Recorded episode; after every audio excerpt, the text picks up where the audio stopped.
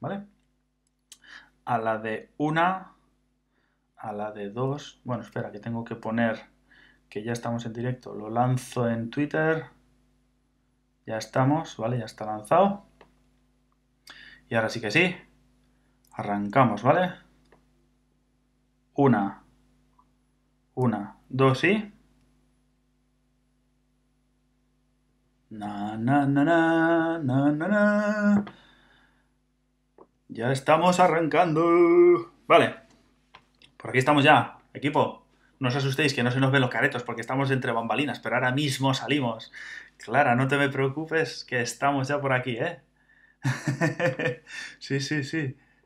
No te preocupes, no te preocupes, que ya estamos aquí, ya hemos saltado aquí al estrellato.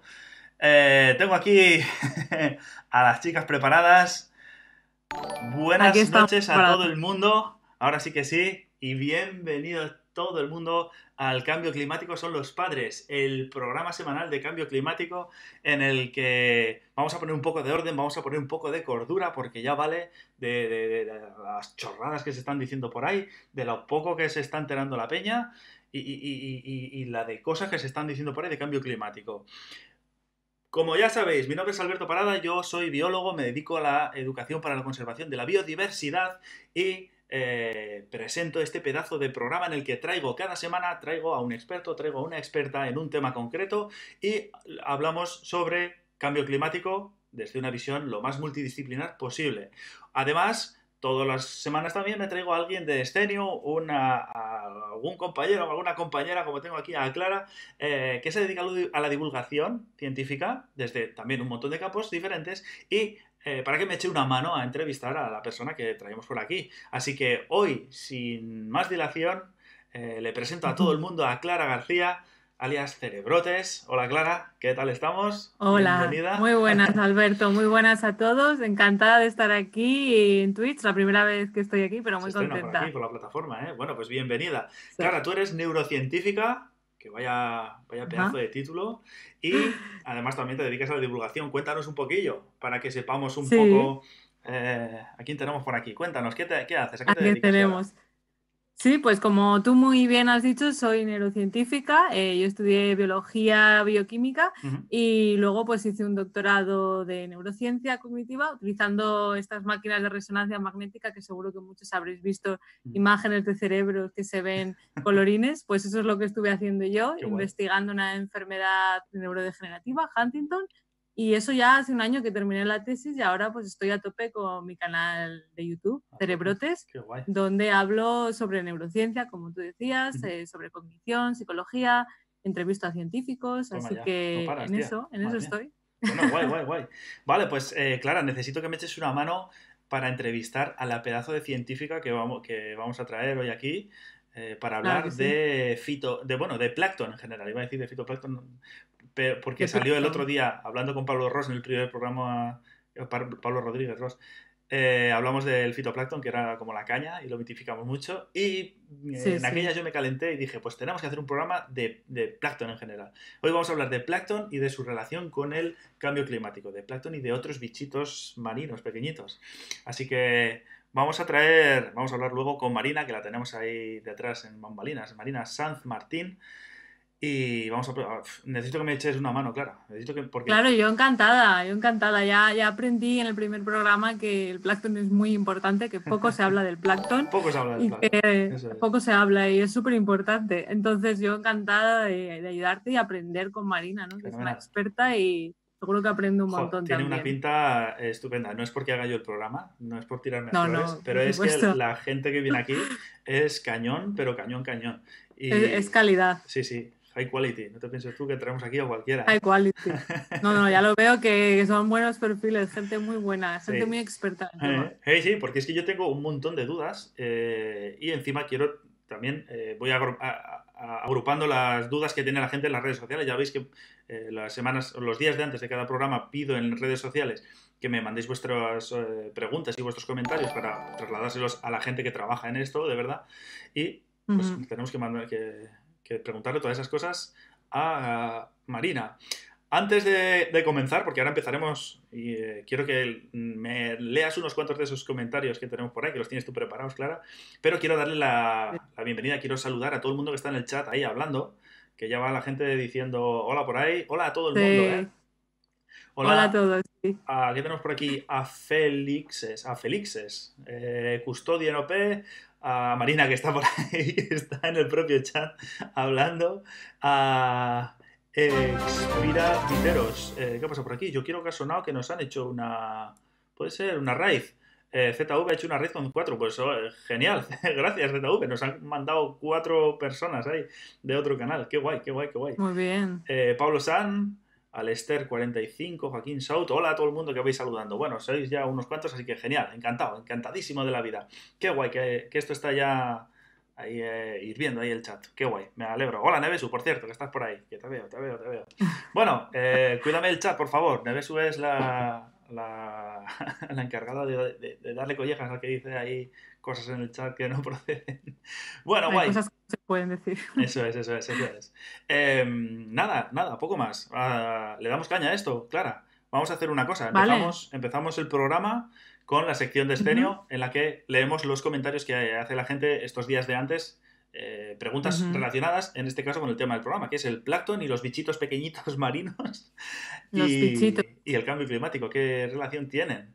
Que, mira, se te están suscribiendo ya al canal, ¿eh? Por cierto, cerebro. Ah, muy bien, muy bien. Oye, muchas gracias. Bueno, pues nada, ¿tienes por ahí preparados, Clara, algunos mensajes? Sí. ¿Qué nos cuentas? Tenemos aquí, bueno, tenemos aquí un poco de cachondeito también, ¿no? Ha, habido alguien Mucho cuñado, ¿eh? en las redes sociales. Hay muchísimo cuñado. Claro, hay, ¿eh? Hay cuñado y yo creo que hay gente que transmite lo que los cuñados les han dicho, ¿no? También, también. Entonces, eh, ya un poco de, coña por aquí. Entonces, bueno, hay uno que dice a más calor, más plancton y mejor para las ballenas. Todo pagado, ¿no? Claro, está todo pagado. Pues claro que sí, claro que sí, claro que sí. ¿Qué más queremos? Eso, larga vida a las ballenas. Pues eh, mejor, es que me parece mejor. Es, es, un pensamiento también aplastante. Luego le preguntamos a Marina a ver qué opina sobre este tema, pero, pero claro, pinta bien. Sí, sí. Con los cookies que son las ballenas, claro que sí. Hay que ¿Verdad? Ya está. Luego, ¿qué más dice? Bueno, eh, hay alguien que comentaba, el cambio climático no existe. Pensamos que existe porque los aliens eh, no, lo no lo introdujeron o nos lo introdujeron. Vamos, que, es algo que no existe y que, que, nos ha venido por ahí. O sea, que nos lo han traído ahí los aliens, madre mía. Madre mía, chun, chun, chun, Ya ves. Esto parece más. Le preguntaremos a los crespos a ver qué opinan sobre si han traído los aliens el cambio climático. Le preguntaremos en su programa. En su programa de, de cosas misteriosas, ¿no? Ah. Y pseudociencias. Luego eh, también hay alguien que comenta: el cambio climático es cosa de rojos. Ostras, madre mía, nos lo trae aquí el comunismo salvaje, nos, está, nos ha metido aquí el, el, cambio climático, ¿eh? Pero sí que es verdad que a veces se ha utilizado y es una cosa, o sea, medio en broma, medio en serio, que a veces se ha utilizado, por, lo menos hace como, yo que sé, hace mogollón de años, bueno, yo que sé, yo recuerdo como hace 10 años, una cosa por ahí, que se utilizaba como arma arrojadiza, de, que había partidos políticos que se lo tiraban los mm. unos a los otros, ¿eh? O sea que Sí, sí, sí, bueno, ahora, no tan broma, ¿eh? ahora a lo mejor un poco menos, pero... Ya, porque ya le están viendo las orejas al lobo, ya están diciendo, uy, pues que va a ser que sí. Aunque todavía alguno por ahí diga que no. Sí, que todavía, todavía hay partidos en el mundo, ya no hablando solo en España, que ah, niegan el cambio climático, todos lo sabemos. Entonces dices, ¿por qué no? Es algo curioso, que no es algo de ideología política, es la ciencia, son los hechos. Exacto, eso es, eso es, que no es, que da igual si, eh, opinas de una manera o opinas de otra. Esto no es una cuestión de opinión, esto es un hechos, ¿no? Exactamente. Exactamente. Luego nos comentan, a ver si tú entiendes esto, el pulpo, una definición de cuñado. ¿Tiene, ¿Tiene, algún significado para ti? Eh, para mí, que yo sepa ninguno. Igual es un mensaje en clave. Igual es de los alienígenas de antes que han dejado un mensaje en clave. Ya, yo eh, pensaba, claro, el pulpo animal de compañía, ¿no? Claro, Se decía. Claro, claro. Pero aparte de eso. Claro, claro. Eh, y luego, por último, tenemos un comentario aquí de estos de cachondeo que dice: ¿Cómo afecta el calentamiento global al comportamiento reproductivo de las ballenofocas. Las ballenofocas, las ballenofocas tenían que salir en el programa, por fin. Yo creo que las ballenofocas se van a convertir en la mascota de este programa. Las ballenofocas te pongo en, situación, eh, claro. El, el programa pasado alguien preguntó, hizo una pregunta relacionada con el tema del eh, que era la biodiversidad, cómo afectaba el cambio climático a las ballenofocas. Y tuvimos ahí un momento de cachondeo total en el, en el chat. Ahí, bueno, de hecho, por ahí está apareciendo. eh, ya, ya, hay cachondeo ahí en el chat, están escribiendo. Ya veo, ya veo. Estuvimos buscando fotos, subieron fotos y todo. O sea, que alguien subió una foto de una ballena foca. Y estuvimos hablando de mm. ese animal que parecía místico, pero luego lo vimos de verdad. ¿Eso te iba a decir? ¿Un animal mitológico? Sí, sí, podría ser como mitológico, pero sí, sí, por favor, eh, quienes estéis en el chat, si eh, buscad la foto y ponerla otra vez ahí, que es que nos, nos, nos partimos de la risa, ¿eh? Mitad ballena, mitad copyright, Copyright, Custodio en OP, que ya sé que fuiste tú, ya lo sé, ya lo sé. Eh, déjanos, por favor, la mascota ahí para tenerla aquí en el programa. respeto a, las ballenofocas. Totalmente. Sí, sí, todo nuestro respeto. Total. Por supuesto. Pues estos son los últimos comentarios así de cachondeo. Luego tenemos los serios que ya son para Marina. Los, los seriotes se los guardas y se los preguntas ahora eh, a Marina. Le decimos que pase. La traemos por aquí. Claro la, invitamos a que pase. salir, le invitamos a que pase. Bueno. Yo creo que sí. Venga, Marina, ¿te vienes por aquí? Hola. Hola, ¿qué tal? Muy buenas. Bienvenida a este pedazo de programa que nos vamos a echar aquí unas risas. Marina Sanz Martín, toda una eh, crack, toda una científica de que se dedica a investigar unas cosas que yo no sé, igual es que yo soy demasiado friki para estas cosas, pero es que a mí me flipan. Entonces, yo en cuanto me dijeron, mira, Marina se dedica a estas cosas, dije, ¿cómo? Trae para aquí, que yo con esta chica tengo que hablar y la tengo que traer aquí para el programa. Marina, tú te dedicas a estudiar eh, los bichitos pequeñitos, el plancton y los bichitos pequeñitos del Ártico. Me han dicho por ahí, un pajarito. Puede ser. Tía, cuéntanos, cuéntanos. ¿Qué es lo que haces? Pues ahora mismo eh, me dedico. Uy, esto va un poco más lento, ¿no? A ver. Mi ordenador va un poco lento, por lo que yo estoy viendo. No me. No me responde tan rápido, pero bueno, Ahí. Va un poquito despacio. Pero bueno, no pasa nada. Cuéntanos, cuéntanos. Bueno, pues a ver. ¿Qué has hecho y qué haces? O sea. Que ya sé que has, pues ahora de los bichitos esos, ahora haces otras cosas, ya lo sé, cuéntanos, cuéntanos. Ahora, ahora, he, cambiado de, ahora he cambiado de rollo. Pues ahora mismo trabajo con temas de plástico en acuicultura. Toma. Contaminación por plástico en la acuicultura en Baleares y en el Mediterráneo. Pero previamente está ocurriendo en temas de, del efecto del cambio climático en el océano Ártico. Toma ya y cuánto oxígeno producen y cómo, bueno, cómo afecta el plancton ahí, toda la masa, al, al, cambio climático, vaya, a nivel atmosférico, al intercambio de CO2, atmósfera-océano y, bueno, el plancton como, un, como el Amazonas, vaya. ¿Qué efecto tiene el plancton? Organismo. Es que el otro día, el otro día traje a Pablo, a Pablo Rodríguez aquí y en la conversación salió algo del plancton y tuvimos también un poco de cachondeo porque dijo, joder, el plancton es como aquí, como la supercriatura eh, que, que, nos está salvando aquí como la vida a todo el mundo y, no le hacemos el caso que le tenemos que hacer y, casi no hablamos de plancton. Así que dije, ¿cómo? Pues programa de plancton ahora mismo. Traemos aquí a Marina que nos cuente cosas, ¿eh? Muy bien, muy bien. Poca broma con el plancton, ¿eh? Vaya, hombre, poca broma, sí, sí. De pronto de un día para otro te lo ves todo verde y dices, te la lía. Sí, sí, te la lía. Mira, mira, mira el mar menor. Mira, ¿Eh? El mar menor. Mira cómo está. Mira cómo está. Mira cómo está. bueno, guay, genial. Pues, pues qué interesante, qué interesante lo que, lo que preguntan, preguntan por el chat si vais a dedicar algún día un momentillo a los argumentos de Ibar Jager, no sé cómo se pronuncia, Giaber, sobre el cambio climático. Eh, pues eh, vale. Mm, vale, nos lo apuntamos. Supongo, nos lo apuntamos. Gracias, sí. vale, vale. Mm, se aceptan todo tipo de sugerencias. No sé quién es Iván Giaber, así que lo podré buscar. Eh, luego lo busco. O bueno, contadnos un poco, contadnos quién es, quién es, por favor. Dejadnos aquí por aquí. Sí, la persona que te haya dejado. Pero. sí, pero. Pero sí, sí, yo qué sé. Bienvenidos sean todas las todas las sugerencias y recomendaciones. Por supuesto que sí. Bueno, pues eh, que te decía, ah, que, haces cosas con microplásticos, también como un tema de moda, ¿no? Eh, que ahora nos contarás un poco. Eh, sí, sí, ahora, ahora yo, yo en cuanto me en cuanto empieces a preguntar, yo, yo tengo aquí material para contarte todo lo que quieras. A sacar ahí a tope, genial. Pues mola, mola, mola.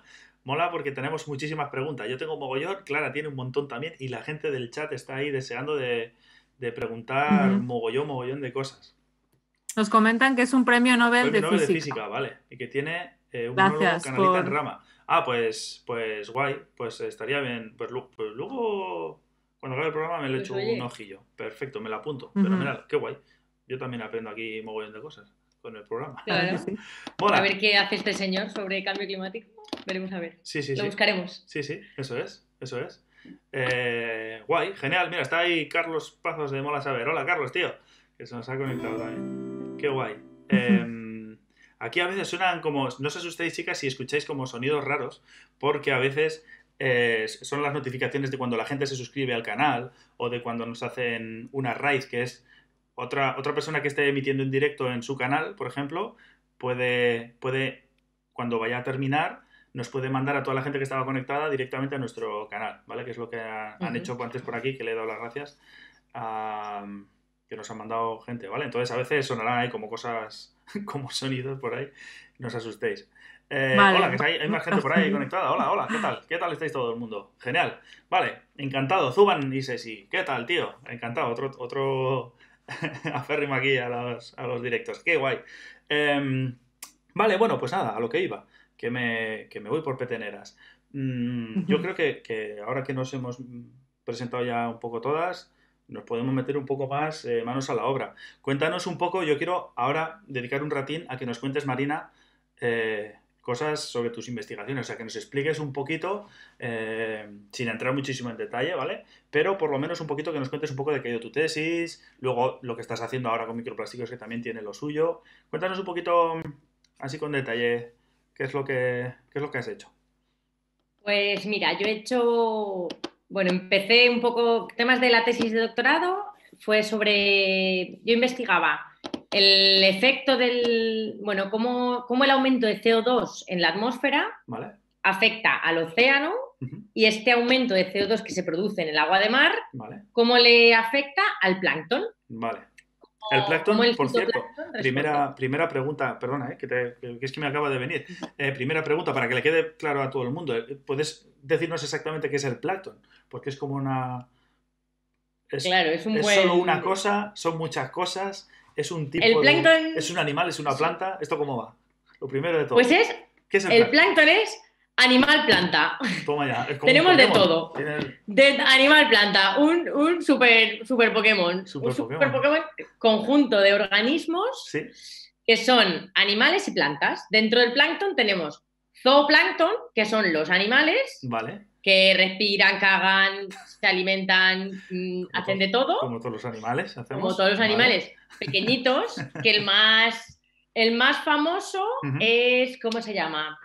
El copepodo este verde, ahora no me acordaré yo del nombre. De Bob Esponja. El de Bob Esponja. Es plancton. pero el nuevo Esponja, plancton, pues.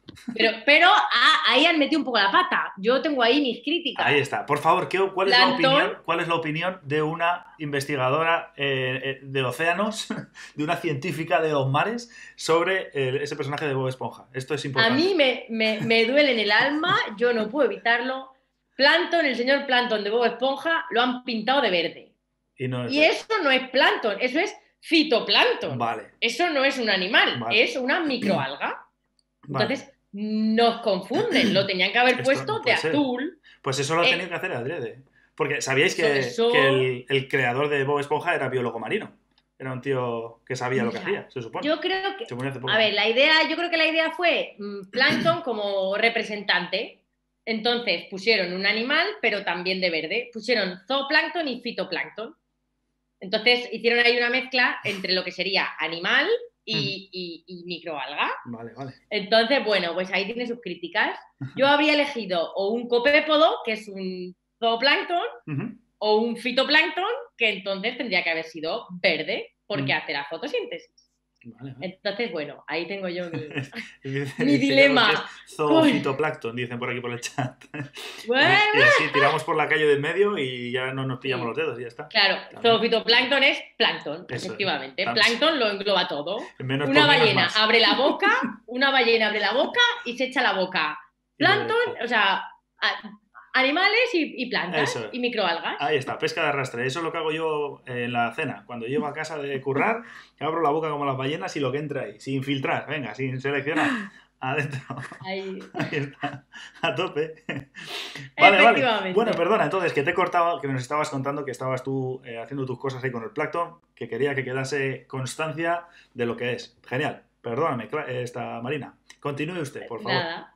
Bueno, pues yo me, me, embarqué, me he ido a Noruega. Yo he hecho muchos proyectos con la Universidad de Tromso, con una señora que se llama Marit Reistak, que es maravillosa. Yo adoro a esta jefa de campaña estupenda, no me he encontrado una líder igual. Qué guay.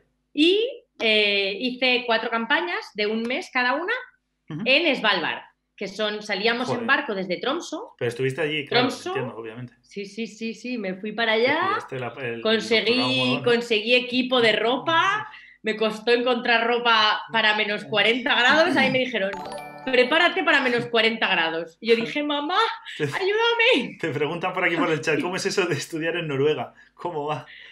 ¿Cómo va el tema? Bueno, yo lo que hacía, yo en realidad me lo he montado bastante bien. Yo vivo en Mallorca, mm, me dedicaba, llevo mis últimos nueve años aquí afincada en Mallorca, pero me iba puntualmente, mandábamos palés enteros de material y compraban desde Noruega, compraban todo el material los embarcábamos en el barco. chorizo, jamón, salchichón, todo eso, ¿no? Ah, sí, yo confieso, ahora soy vegana, pero en aquella época, que era omnívora, a ver, por mm, supervivencia, me llevé la maleta. Es complicado ser ahí arriba eso. Yo, yo de normal metía 10 paquetes de jamón serrano. Proteína y vitaminas. Es que, eso, es que eso es el kit básico de supervivencia ahí arriba. Es que, es que a las 10 de la noche, mm, oscuro, a, las 12 de la mañana seguía siendo de noche en invierno. Ahí la única manera de alegrarse el día era abriéndote un poquito de jamón serrano y unas quelitas mallorquinas. O sea, eso era, vamos. A tope. Eso era maravilloso. Y bueno, entonces eso, nos mandábamos todo el equipo a la universidad. La universidad cargaba nuestros cuatro palés de, material. O, no, en otra ocasión nos tuvimos que llevar cajas enormes, que, que, que, era alucinante. Íbamos con, con con cinco cajas facturadas en el avión. Mi compañera y yo, con cinco cajas de estas metálicas gigantes. Bueno, era un show. Pasábamos por la puerta de material especial porque si no, no cabía. O sea, bueno, aquello era tremendo. Y, de Tromso navegábamos hasta. Navegábamos en un. En un es un, pesquero, un antiguo pesquero reformado como barco de investigación. Lo solíamos coger o bien en Svalbard o bien en Tromso y de allí navegábamos hasta, la, hasta el archipiélago de Svalbard, que son unas islas que están al norte de Groenlandia y al norte de Noruega, en torno a los 70 grados norte. Eso está lo, que más arriba está, ¿no? Lo que más arriba Eso es muy alto. Sí, sí. Muy alto, muy para arriba. y ya de allí empezábamos a navegar en Longyearbyen, que es la bueno, Svalbard pertenece a Noruega y la, base científica que tienen allí, que también tienen un poquito de turismo y tal, es un sitio muy pequeñito, hay una universidad allí, hay una, hay una residencia y cuatro casas, vaya, mal puestas. Un supermercado que al final de la semana no quedaba nada de beber, ni de, nada. Ni de beber ni de nada.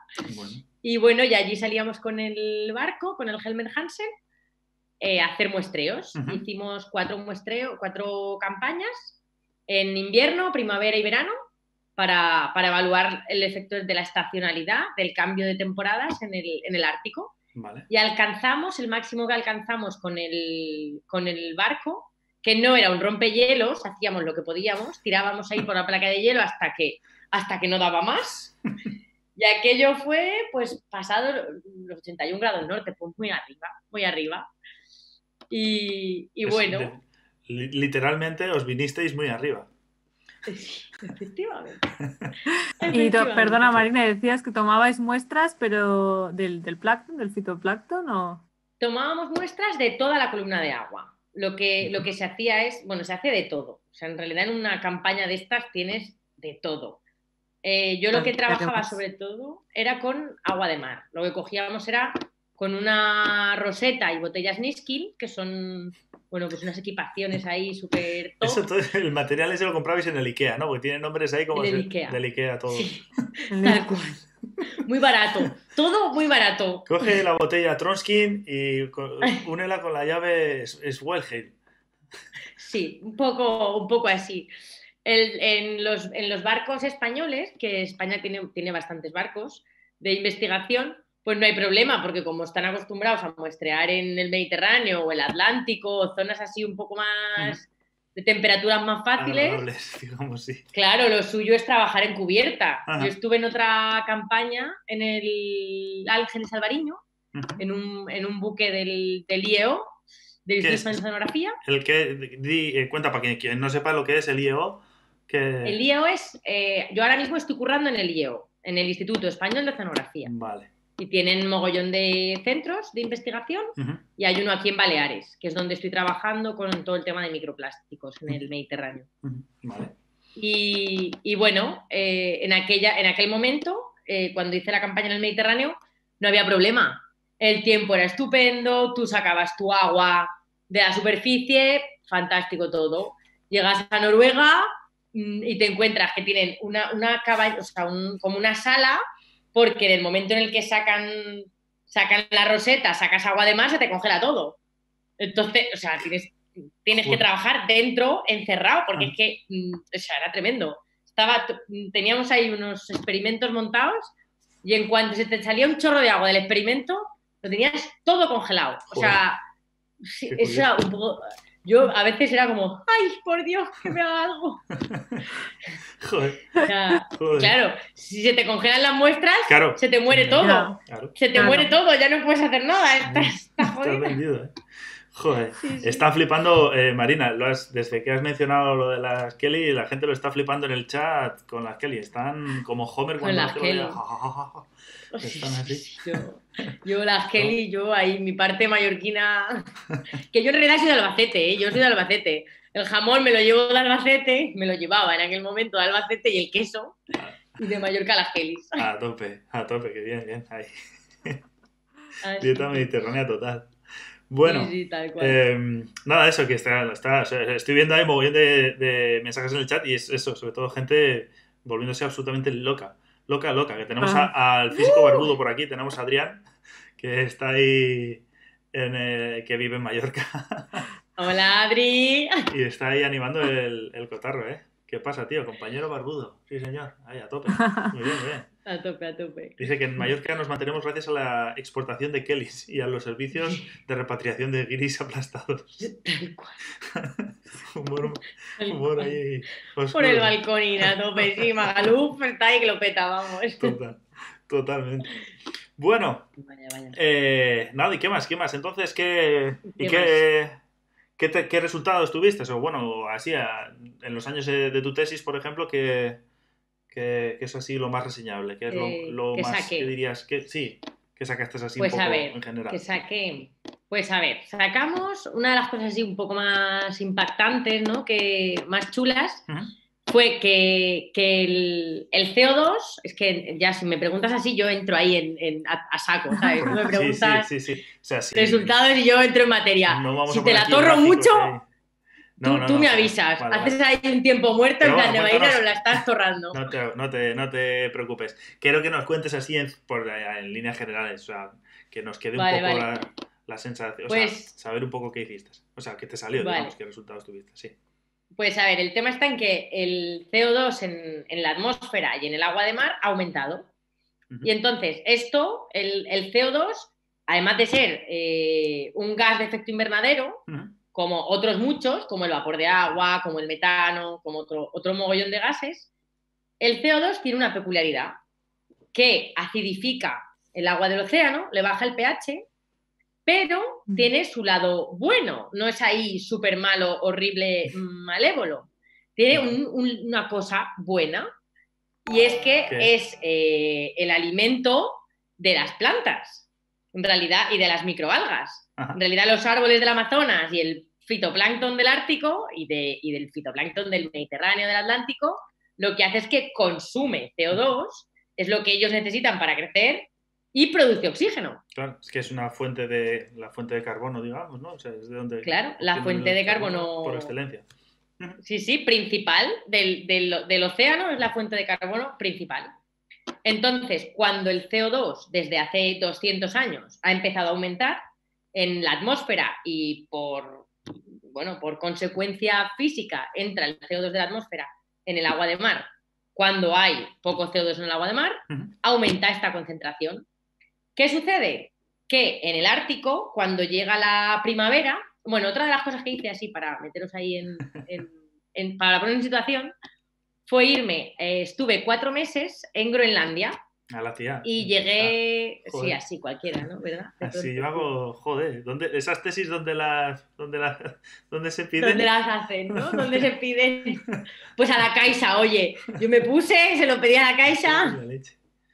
Y dijeron, venga, te lo pues compramos. Venga, a tope, joder, bien, bien, bien, ¿En Groenlandia qué hiciste?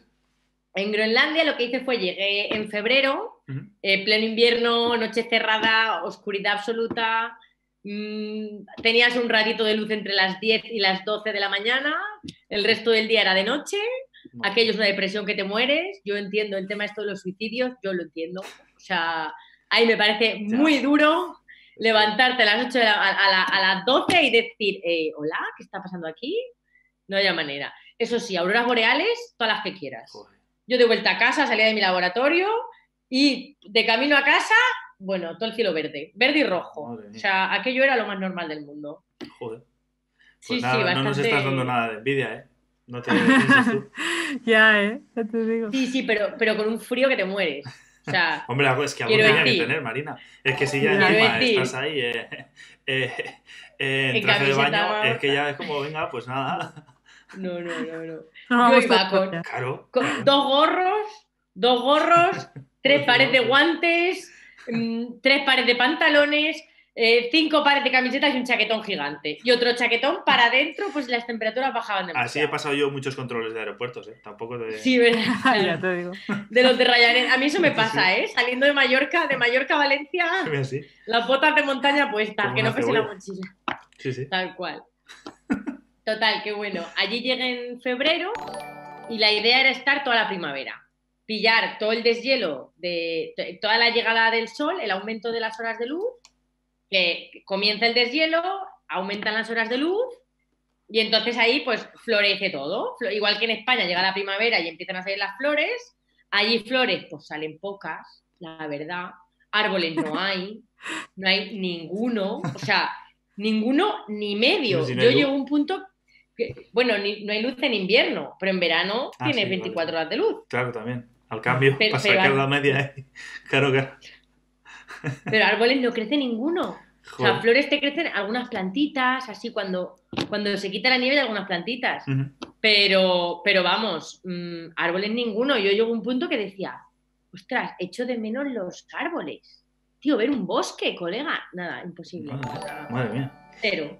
Cero árboles. Vegetación rastrera total, ¿eh? Sí, sí, sí, increíble. La tundra, la tundra del Ártico que se llama. Ah. Y bueno, y entonces la idea era, yo salía a muestrear con un barquito pequeñito todas las semanas. Salía todas las semanas, cogíamos agua de mar, hacíamos incubaciones, analizábamos todo lo que estaba pasando y de pronto, de la noche a la mañana, de pronto un día, las asomas por la ventana, yo tenía ahí el mar ahí en la puertita de mi casa toda el agua estaba verde.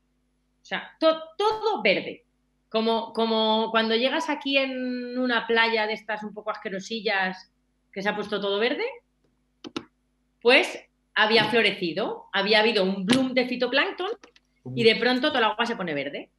y ahí estaba, y todos, estábamos todos emocionados, o sea, todo el mundo diciéndose unos a otros, eh, tío, que hay bloom, que hay bloom. El tema está en que cuando hay bloom, de pronto empiezan a llegar las ballenas a tope. O sea, tú tienes, tú tienes el fiordo, que tú te asomas por la ventana y la peña diciendo, han encontrado cachalotes en tal sitio, eh, ballenas jorobadas en tal otro. O sea, de pronto el fiordo de Nuuk empieza a, petarlo. O sea, y, yo salía con el velero a pillar plancton, pero es que la compañera del despacho de al lado salían a pillar ballenas. O sea, a pillar ballenas no. todo el mundo salía a pillar de todo, ¿eh? Eso era ahí como una rave. Pero, pero tal cual. O sea, había como. Sí, sí, te lo juro. Lanchitas.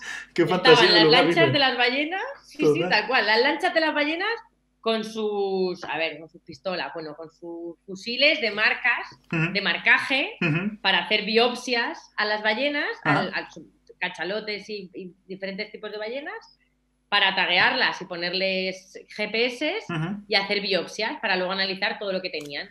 Yo iba por el plantón, cada uno, oye, a cada uno a lo suyo. Yo quería mi agua, mi agua de, de 0 a 50 metros, mi agua verde. De 0 a 50 metros y el agua ahí, de hecho, en el momento en el que había bloom de fitoplancton, yo ese día, esa semana, salía a muestrear, de normal salía un día a la semana y esa semana daba señal de alarma, reservabas todos los barcos que podías y salía a muestrear tres días esa semana. O sea, tuve curro, pues no sé, 24 horas al día durante mucho tiempo. Dicen por aquí, Marina, que olería rico, ¿no? Con tanta alga por ahí. no lo sé. Sí, pues olía mal. Efectivamente, estaba bastante. Confieso que bueno, apestar no, pero huele ahí como un poco rarunillo. Ah, al piso de estudiante, el, lunes por la mañana. Nosotros decíamos que, olía a feocistis. Feocistis es una de las microalgas más, más famosas del Ártico, que es la más grande y la que más olor deja.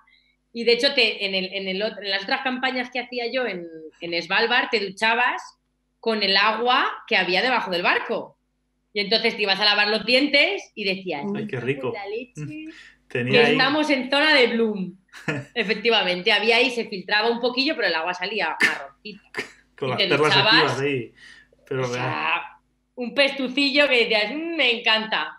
A nivel científico molaba mucho, porque, porque, bueno, sacabas ahí mogollón de datos. Claro, imagínate, tienes ahí todo a tope. Salía, pues los valores cambian mogollón de todo y a nivel científico es mucho más fácil detectar cambios cuando hay un bloom. Pero y el, resto del tiempo, cuando el agua está limpita, pues no, es más difícil. El bloom que dices todo el rato, el bloom es el florecimiento de estas algas. Sí, efectivamente. Ah, pensaba que era como el matamoscas ese que echaba yo de, pequeño. El matón, más o menos. el bloom ese. Para que quede claro a todo el mundo. Sí, sí, sí. Bloom, eh, a ver. En inglés, ¿no? Bloom. Claro, efectivamente. Esto de. Hay, a ver, ¿cómo era? Había, hay varias palabras ahí en inglés. Bueno, ahora no me viene a la cabeza, pero hay varias palabras que. Blossom, un blossom. Blossom Como la serie, Blossom. Como la serie. Claro, efectivamente, que es, que es florecer. Es que florecer, sí, claro. Claro, que es que la, primavera. Sí, sí. Primavera en Groenlandia. La primavera en Groenlandia lo que estabas contando de la parte buena, ¿no? Que en tu tesis encontraste como la parte buena de, del cambio climático para el fitoplancton, eh, tenía que ver con lo que viste luego en Groenlandia, ¿cómo fue? Sí, efectivamente. A ver, que la cámara todavía me... A ver, llega un momento que tengo como dos pantallas y me cuesta un poco ubicar la cámara. Ahí. Efectivamente, el tema era que lo que hacíamos era coger el agua de mar, que tenía zooplancton y fitoplancton, tenía ahí de todo, y eh, cogía ese agua, la eh, hacía, bueno, un montón de cosas, pero una de las cosas que hacía era añadirle CO2 artificialmente, le burbujeaba CO2 con un sistema ahí que montamos bastante interesante. Como la cerveza. Burbujeamos CO2 y hacíamos varios tratamientos. Eh, el, CO2 normalmente en el agua de mar eh, está a entre 200 y 400 partes por millón de CO2, que es la forma de medir esta, concentración. Burbujeamos CO2 y simulábamos las concentraciones que habrá en, un futuro, en un futuro no muy lejano si seguimos a este, a este ritmo, a este ritmo de emisiones a la atmósfera y simulábamos las concentraciones que puede haber en 2030, 2050 y 2100 para ver qué efecto, cómo respondía el fitoplancton. Ah. Entonces, en invierno vimos que durante el invierno eh, hay mucha agua, hay mucho CO2 en el agua de mar y entonces no, no, no estimula la producción, no estimula la fotosíntesis del plancton. Pero, ¿qué sucede? Cuando llega la primavera, el fitoplancton empieza a consumir, llega la primavera, empiezan a crecer, necesitan nutrientes y CO2 para crecer, y entonces empiezan a, chuparse CO2, a consumir CO2 del agua de mar. ¿Qué sucede? Que de pronto, de tener 400 partes por millón en el agua de mar, tú ibas, medías y febrero o marzo, tú ahí tenías mogollón de CO2, no, sin problemas. O sea, sin problemas quiero decir, ahí no había, ahí nadie necesitaba nada, estaba todo estupendo.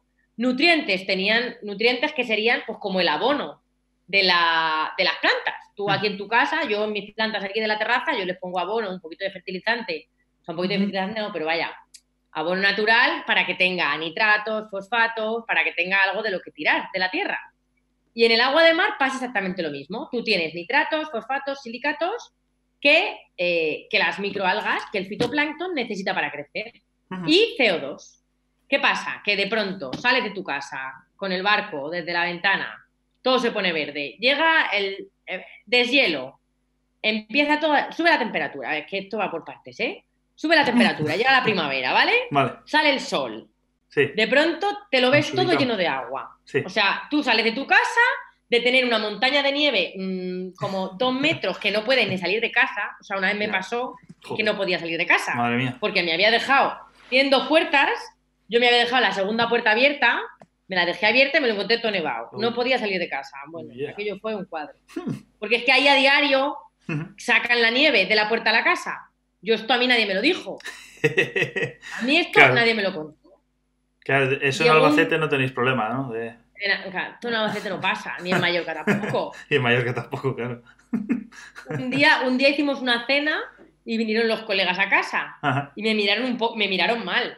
En plan de, Marina, tía, no quitas la nieve de la puerta. Yo los miraba así como diciendo, no entiendo para qué, no le veo el motivo. Claro, ahí la capite va subiendo y un día de pronto nevó mogollón y, y- y se amontonó muchísimo. Es que no podía salir de casa. O sea, todo el marco de la puerta lleno de hielo. O sea, no, bueno, yo, yo ahí me quería morir. Joder.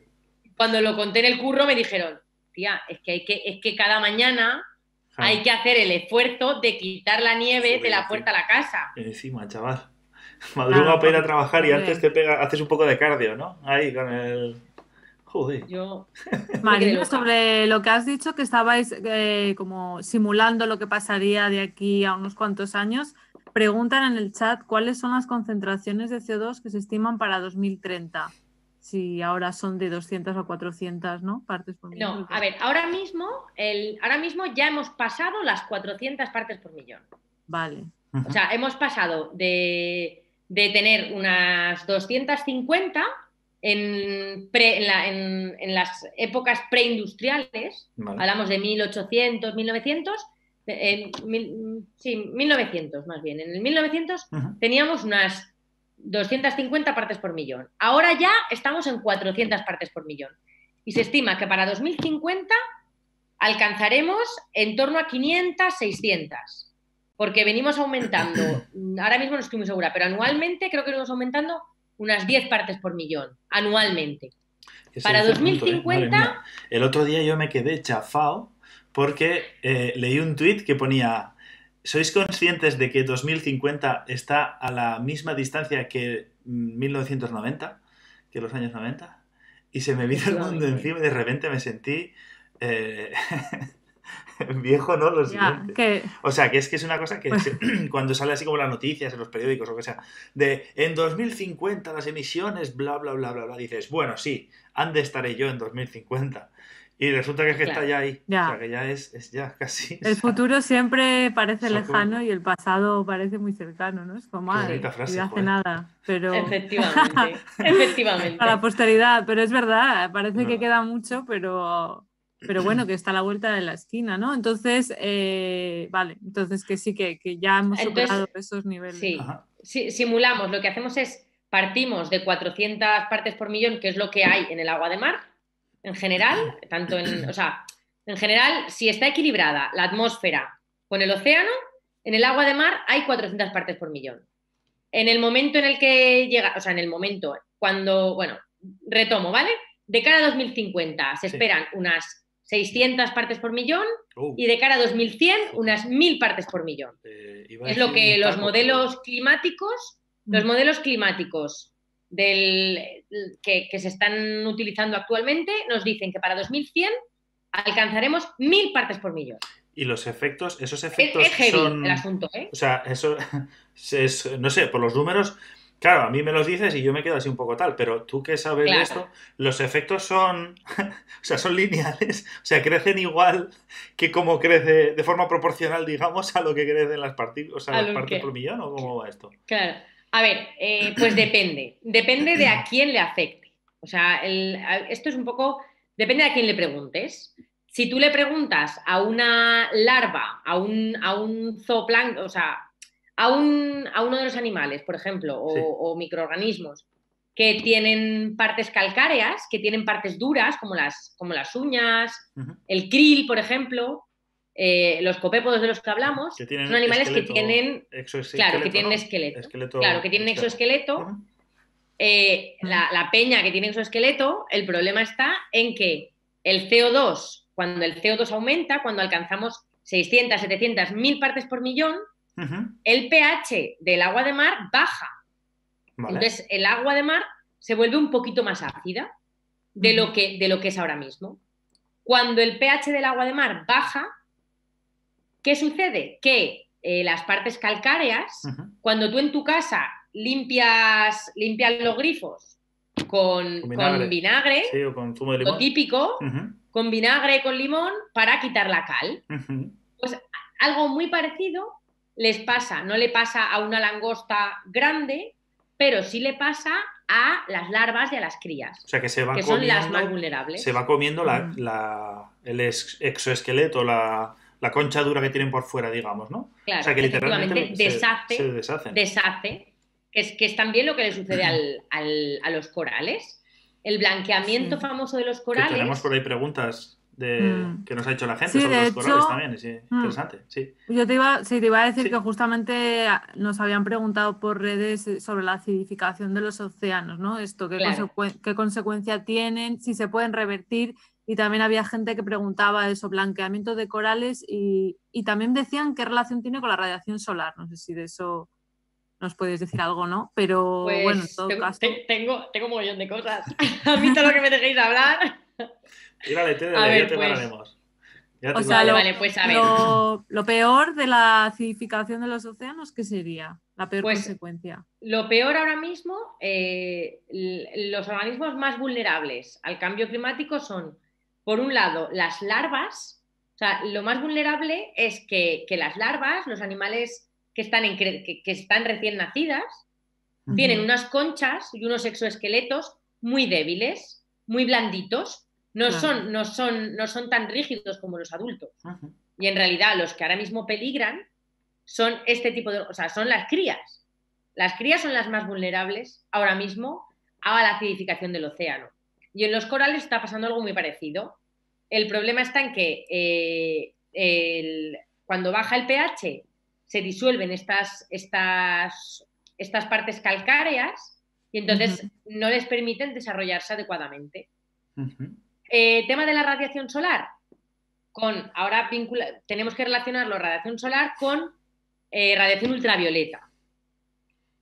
Como el agujero de la capa de ozono que ahora mismo ya está en retroceso porque logramos parar los CFCs en su momento, que fue como el logramos que el agujero de la capa de ozono, hmm. claro, efectivamente, en aquella época a nivel social se hizo bastante bien y a hmm. nivel político se tomaron mogollón de medidas hmm. para prohibir los CFCs y que no nos cargáramos, que no siguiéramos cargándonos el agujero de la capa. Eso, sí, por ejemplo, los que somos de, mi, de mi quinta para arriba, eh, es un, era como un tema como súper de moda en los 90, principios de los 2000 o cosas así. Claro. Eh, que eso fue como el, gran problema medioambiental de ese momento, que por suerte se pilló a tiempo, aunque no fue, o sea, venía de, décadas atrás, ¿eh? pero en ese momento se puso la gente firme, se metió mano ahí bien y, al final estamos viendo que funcionó que se está efectivamente efectivamente yo diría que, que, fue de los problemas medioambientales más,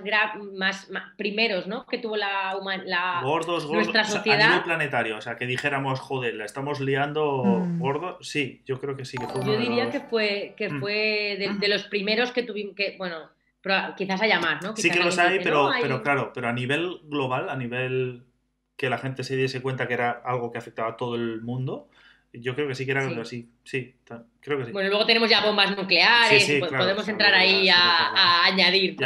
Pero, pero fue una de las grandes cosas que se hizo. No obstante, por mucho que, en aquel momento, o sea, que el agujero de la capa de ozono ahora mismo no esté, o sea, no se esté ampliando, la radiación ultravioleta es cada vez mayor, la que estamos recibiendo. Entonces, la radiación ultravioleta tiene efectos en la fotosíntesis de, de mogollón de organismos y, en, muchos animales. Entonces ahí eso sería otro temón que, en, mi, grupo de investigación de aquella época, de cuando yo estudiaba todo esto, sí que también investigábamos. Otro problema añadido, teníamos, aparte del y teníamos varias cosas.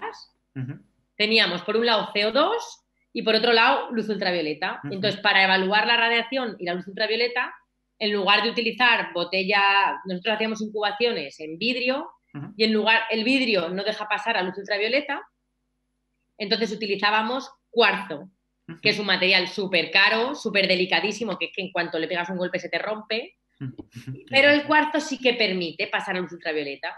Entonces así simulábamos las condiciones del plancton que sí recibe la luz ultravioleta como en el mar.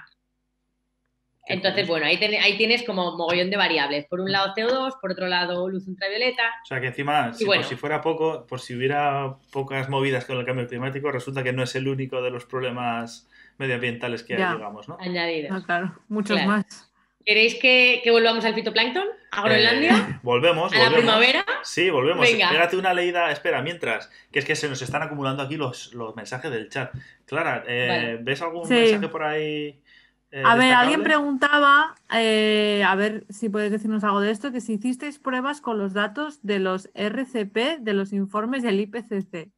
Aquí estamos hablando A ver, RCP. Y dice, me refiero a las posibles concentraciones en partes por millón en cada escenario. Lo de RCP no sé. Claro, efectivamente. RCP son los escenarios que establece el IPCC Panel, que te dicen el escenario business as usual. Que eso viene a decirnos si seguimos igual que estamos, si seguimos tan panchos, tocando, o sea, yendo a currar tú sola con tu coche, ¿sabes? Con tu coche del año Catapún que emite mogollón de CO2, si sigo sin coger el autobús, si sigo sin coger la bici, si seguimos con unos carriles de bici de mierda en mogollón de ciudades, si seguimos consumiendo carne a tope, o sea, aquí tenemos un filón. Con el tema del CO2 hay un filón ahí, además nos toca por todos lados. O sea, no hay por dónde cogerlo, ¿eh? A nivel, a nivel de, personal, ¿no? De qué puedo hacer yo, ahí tenemos, ahí hay mucho curro. Pero bueno, si seguimos tal y como están las cosas, los escenarios RCP que nos dicen son las proyecciones climáticas que hacen que era aquello de, 400 pasamos a 600, 700 partes por millón, y de ahí nos vamos a 1000 partes por millón para 2100. Estos son los escenarios por, lo por los que nos están preguntando. Vale. Entonces, ¿Y eso es lo que mirasteis o no? Sí, sí, sí, exactamente. Esto fue exactamente lo, que, lo que estuvimos mirando en Svalbard y en Groenlandia. Bueno, lo que estuve, lo que estuve mirando con, con la gente con la que curraba aquí en Mallorca, pero vamos, a mí me mandaron allí sola, ¿eh? Una campaña vino una compañera, pero todo el resto a mí me dijeron, Marina, tira para adelante con todo esto. Vete tú, que a mí me da la Yo dije, venga, vamos para allá. Entonces, bueno, volvemos a, para contaros un poquito lo que, cómo simulamos estos escenarios, nos remontamos a prima, invierno y primavera en Groenlandia, ¿vale? Y en Svalbard. Cuando de pronto el agua de mar se, se pone, bueno, lo que hicimos era, cada semana cogíamos agua de mar. Medíamos todo lo que estaba pasando de 0 a 50 metros Medíamos los nutrientes de los que hablábamos antes, nitratos, fosfatos. ¿Cuánto CO2 había? ¿Cuánto oxígeno estaba, estaba produciendo el fitoplancton? Que esto quiere decir eh, la producción primaria. O sea, respiración, fotosíntesis, producción primaria, o sea, todo, todo a nivel químico, todo lo que estaban haciendo, ¿vale? Que bueno, ahí tenemos producción primaria bruta, neta, respiración, pero no voy a entrar a dar más movidas de, GPP, RCP, y de cosas así. Movidas ahí que, a mí me flipan, pero bueno, yo me da, más general, Nos explota la cabeza ahí con tanto dato. Sin entrar tanto, ¿vale? Lo que medíamos era cuánto oxígeno produce el plancton, toda la comunidad de agua. Tú coges plancton, zooplancton y fitoplancton y mides cuánto oxígeno está produciendo al día y cuánto carbono está consumiendo. Cuánto carbono del agua de mar que está disuelto. En el agua de mar tenemos CO2 disuelto, bicarbonato, CO2 disuelto y bicarbonato. El fitoplancton lo que hace es que coge, absorbe CO2 libre y bicarbonato, lo incorpora en sus células a través de la fotosíntesis para formar el tejido, o sea, para formar lo que serían las hojas verdes y, todas las microalgas, ¿vale? Y entonces, lo que tú ves en el agua de mar cuando mides todo esto a nivel químico, de pronto ves que tienes 400 partes por millón en febrero y en marzo, y entre marzo y abril, que es cuando empieza a llegar la primavera allá arriba, marzo, abril, mayo, de pronto te baja el CO2 a tope y de 400 partes por millón, los mínimos que llegamos a medir eran de 120. Pues ¿Por se lo habían papeado Claro, se lo estaba papeando toda la peña que teníamos ahí fotosintetizando, ¿sabes? Estaban ahí bo, bo, cogiendo CO2 a muerte. Y el oxígeno te sube, te sube mogollón. ¿Qué pasa con los nutrientes? Que bajan. Que de pronto de tener mogollón de nutrientes, los tienes a mínimo, a mínimos a casi cero. O sea, no, cero del todo, pero vaya, baja muchísimo. Entonces, lo que hicimos fue, eh, estuvimos simulando, cogíamos esta, esta masa de agua y simulábamos las concentraciones de futuras de CO2. Le burbujeábamos CO2, lo metíamos en unas botellas ahí que se llaman botellas Winkler, que son el icono del, del IKEA, efectivamente, botellas del IKEA de, de bolo silicato, pues un material ahí que, simula el, agua de mar. Les poníamos la luz, la radiación solar que, estaban recibiendo en ese momento. Nos lo llevábamos a una cámara frigorífica, es como un laboratorio pequeñito, a 4 grados. Entonces yo me metía en mi laboratorio de, de, entre 1 y 4 grados con mi mono, mi guante, mi gorro, mi bufanda, para que no me diera una pájara. Y ahí tenía yo un montón de acuarios y de, sistemas para que eh, el agua en la que tú incubabas tu plancton en, simulara temperatura y luz y lo dejaba incubar 24 horas.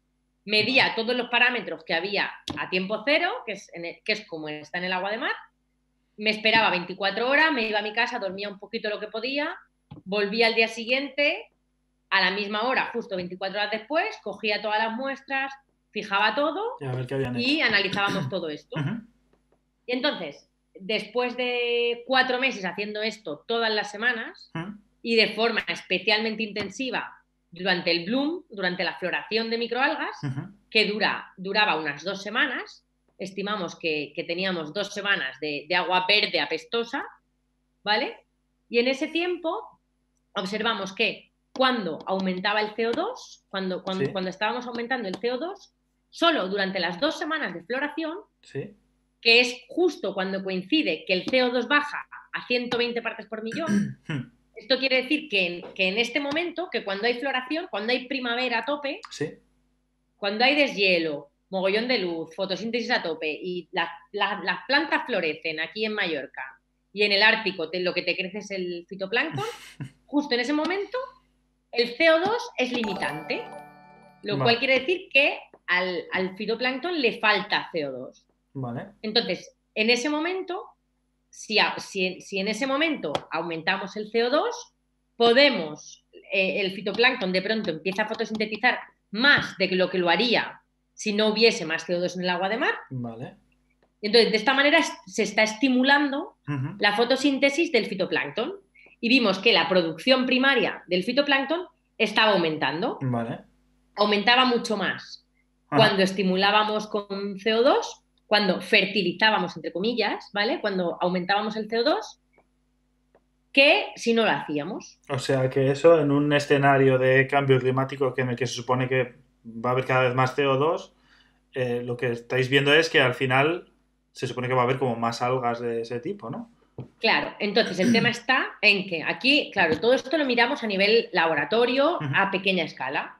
Y entonces aquí podemos decir que eh, que el cambio climático, o sea, que el cambio climático no, que el aumento de CO2 en el agua de mar estimula la fotosíntesis del Ártico, pero es que lo más flipante de todo es que esto mismo lo ha hecho Peña en zonas de, en zonas de bosques, ah. de bosques y del Amazonas.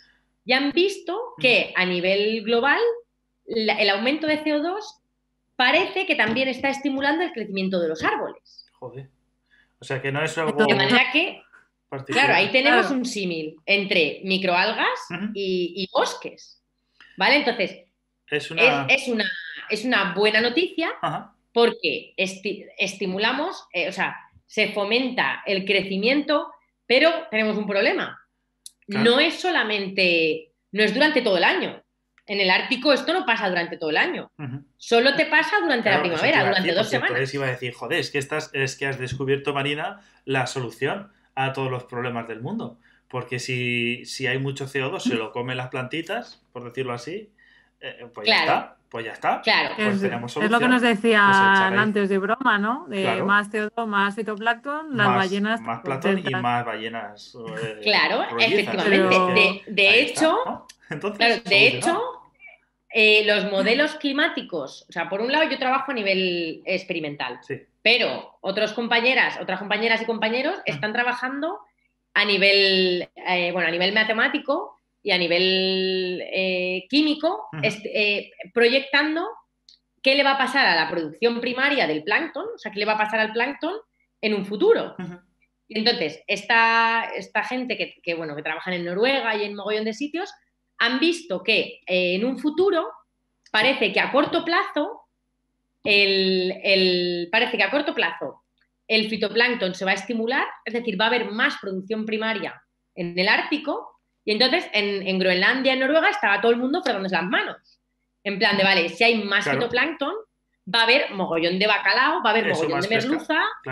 Efectivamente, va a haber mogollón de pesca. Pues, o sea, el Ártico se va a convertir, si, ya Groenlandia, si, ya Groenlandia es fuente de, de, pesca, son los caladeros de pesca más importantes a nivel mundial, unos de los más importantes, pues no voy yo aquí a ser totalitarista, están en Groenlandia. Pues Estaba todo el mundo frotándose las manos, porque además hay, aires hielo. Pues con lo cual, si hay deshielo, yo entonces no sé de qué los barcos. Se la gente. Aquí la gente entonces se está quejando por quejarse. Pero si es, que, claro, claro, está bien. A comer más pescado, ojo, ¿eh? Que hay que comer más pescado que tiene ahí los omega 3. ¿Cuál es el pero? Claro, aquí, aquí tiene que haber un pero. Aquí tiene que haber un pero. Y es que tenemos un problema. A ver, aquí tenemos un poco. Aquí tenemos un montón de problemas. Por un lado. pues por cómo lo estás pintando, Marina, aquí esto. Ya, ya. Yo a mí me están, me están, dando, me están dando ganas, como al Donald ese que dijo que, venga un poco más de cambio climático, pues a mí me está dando ganas de pensar lo mismo, ¿eh? efectivamente. Claro, aquí si solo miras, claro, es que esto, esto es como todo. Si tú solo miras lo que te interesa, ¿eh? pues tienes, tienes unas conclusiones. Pero si empiezas a mirar el resto de cosas, vamos a ver. ¿Por qué hay más CO2 en la atmósfera? ¿Por qué hay más CO2 en la atmósfera? Porque los humanos, toda la peña que estamos aquí en la Tierra, hemos emitido CO2 a la atmósfera. Bueno, bueno, bueno. Eso estará por ver. no, no, no, no, ya te digo yo Eso ya que esto es. No, no, esto está totalmente demostrado. yo, yo tengo, ¿Hay consenso en la este comunidad científica? Porque yo no sé, a mí en los medios de comunicación no sé si me lo dejan claro, porque de vez en cuando me dejan entrever ahí como que puede ser que sí, puede ser que no. ¿Cómo va esto, Marina? Esto está súper demostrado. A mí esto debate. Tú desde, yo, desde la ciencia, yo voy a, os voy a confesar una cosa. A mí esto me genera mm, unas situaciones muy difíciles en mi casa, eh, con mi familia claro, y, y, y en otros lugares, ¿no? Tú de pronto llegas a tu casa a una cena familiar y, tu tío, ¿sabes? Te dice, el pero, pero, pero, pero, pero, pero, pero, que esto, que, que esto lo habéis inventado para tener trabajo los jóvenes. Claro, si es que, es que eso está... Madre mía. ¿Te han llegado a decir eso? Yo a mi tío. Oh. Bueno, han llegado, han llegado a decirme que, que, bueno, claro, es que el tema de Rajoy, Donald Trump, le llega a mucha gente. Claro. O sea, han llegado a decirme que, bueno, que en realidad esto esto, bueno, bueno, esto no está demostrado. Un invento de los millennials, vamos. claro, el, primo, claro, es que el primo de Rajoy, el primo, el primo de Rajoy, catedrático en física de la Universidad de Granada, amigo mío, Rajoy y su primo. Amigo tuyo. Claro, amiguísimo mío de toda la vida. Cenas familiares interesantes también tenían que. Claro, claro. Ahí en Sevilla a mí se me generaban unos problemas que, que yo decía, me quiero morir, vamos a ver cómo le explico yo a mi tío sin pues enfadarme, ¿vale? Has dado en el puñetero clavo, Marina. De una forma didáctica, amable. Has dado en el puñetero clavo, porque que, has, que te digo que has dado justo, justo, justo en el puñetero clavo de lo que es la esencia de este programa. De hecho, este programa se llama así precisamente por lo que estás contando tú, porque es una situación que, nos, que yo creo que nos ha pasado absolutamente a todo el mundo eh, los que estaremos por aquí en el chat o quien ve, estemos viendo el programa o lo que sea, de eh, saber cómo está el panorama eh, desde la perspectiva de la ciencia, digamos, o de lo que está pasando realmente con el cambio climático, pero llegar a casa y que se sienten tus tíos o tus cuñados, o yo qué sé, o, tus padres o lo que tu sea. hermano. Y que tu hermano, que están diciendo en el chat también que tu hermano, que sí. O sea, que cualquier familiar te lo te diga pues todas estas cosas que, que a priori, a ver, alguien que ya sabe hermano, que va la cosa, estupendo, ¿eh? dice, joder, esto es un disparate, pero no, pero es una cosa, yo creo que hay un problema de, que le llegue a la gente el mensaje de verdad, em, porque la gente esto no lo tiene del todo claro. A mí, a mí os por eso precisamente yo hago este programa. O sea, cuento otra... La clave de este programa que lo que quiero es haceros eso, o sea, por ejemplo, traer a científicas como tú, sentaros ahí, teneros dos horas ahí delante y lanzaros estas preguntas que os estamos lanzando Clara y yo y la gente del chat y en las redes sociales, que son las preguntas que, que me han hecho a mí en la cena de Nochevieja, joder, que es como, a ver, eh, pero mm, que esto, o sea, todas estas cosas. Entonces yo quiero, o sea, me viene genial, fenomenal que hayas sacado el tema, porque yo quiero que nos, que nos las expliques de verdad. No para hacer eh, mofa ni para hacer risa, sino porque de verdad creo que la gente de casa, de andar por casa, eh, tiene que... Me gustaría que tú, como científica, le explicases cuál es la esencia, eh, qué es lo que está pasando de verdad. Claro, claro. Pues ahí cuando, pues eh, retomando, ¿no? La parte, para, seguir un poco con lo que veníamos, sí. cuando, cuando la gente, la gente, bueno, sobre todo en Noruega, en Groenlandia, en Canadá, los, los, los, americanos, los estadounidenses, perdón, porque América es un continente muy grande. Sí, los norteamericanos. Los estadounidenses se frotan las manos diciendo, ostras, va a haber, va a haber unos caladeros enormes de pesca vamos a poder cruzar el Ártico con nuestros megatransatlánticos. Porque claro, es un chollo. Noruega, ir de Noruega a Canadá, tú imagínate, ir de Noruega a Canadá, o sea, ir de Noruega a Canadá en barco todavía en invierno no se puede hacer. Claro. Pero es que aquí está todo el mundo frotándose las manos para poder cruzar el Ártico. autopista. De hecho, es que atajas, mogollón. O sea, todo el planeta, ahí pegas unos atajos importantísimos. Entonces, ¿qué pasa? Que eh, con todo el cambio, o sea, con toda la emisión de CO2 que estamos haciendo los seres humanos a la atmósfera, estamos creando una capa, una capa alrededor de la Tierra que no permite que la radiación solar salga de la atmósfera. Vale, pues más calentitos estamos, mejor. Entra, claro, la radiación solar no sale de la atmósfera y se genera eh, una capa de gases que genera un efecto invernadero. ¿Qué sucede? Que la temperatura del planeta sube y sube bastante. Sube lo suficiente como para que en Groenlandia, en, toda Groenlandia, en Canadá, en Svalbard, en Noruega, el deshielo se adelante. Por eso, cada año en primavera, de pronto nos dicen, joder, este año, en lugar de llegar el deshielo en, en junio, ha llegado en mayo no, pues este año ha llegado en abril. Pues así. Este año ha llegado. No te quejabas tú que hacía mucho frío, que tenía muchas capas, Marina. Pues claro, claro. problema resuelto, tía. No, no, pero, pero tal cual te cuento. O sea, mis colegas allí en Groenlandia, todo el mundo, yo esquís no llevaba porque yo aquí en mi casa no tengo esquís, ¿vale? Pero los daneses se llevaron, además de su maleta, se llevaron sus esquís. Pues estaban súper enfadados porque iban a estar tres meses allí trabajando y la primavera se adelantó mogollón y entonces, en abril ya había empezado el deshielo, había llegado la, había llegado la primavera, mm. había subido la temperatura mogollón. Y de pronto perdimos toda la nieve que había, estaban las calles inundadas, pero a saco, o sea, que tenías que ir con botas de agua porque aquello, corrían ríos, os lo juro, ¿eh? Ríos de agua a, los lados de las calles, ríos de agua que iba para el mar. Y te asomabas a la costa y de pronto veías, es que a mí me pareció, a mí aquello, me, os juro que me abrumaba veías una línea en toda la costa, una línea así como cuando el agua se pone así medio, medio, medio, mm, no sé, como movidita, ¿no? Una rayita, tú veías ahí una línea que diferenciaba el agua de deshielo, que es agua dulce, que flota menos que el agua de mar y se queda en la superficie. Entonces, veías desde la costa toda el agua que se quedaba en la superficie. Y entonces, ¿qué pasa? Aumenta el deshielo. Cuando aumenta el deshielo, además para colmo, el agua de mar tiene, el agua de deshielo tiene poco CO2, hmm. lo cual hace que haya menos CO2 en, el agua. ¿Qué sucede? Llega, llega la, sube la temperatura, aumenta el deshielo, aumenta el fitoplancton mogollón, se, se tragan, se consumen CO2 del agua de mar, y, pero ¿qué problema tenemos? Que se consumen también los nutrientes porque están fotosintetizando.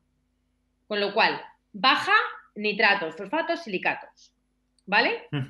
¿Y eso qué repercusión tiene? Entonces, ¿y cuál es el problema? Quiero decir, ¿qué, ¿y qué pasa si, si bajan los nutrientes, Marina?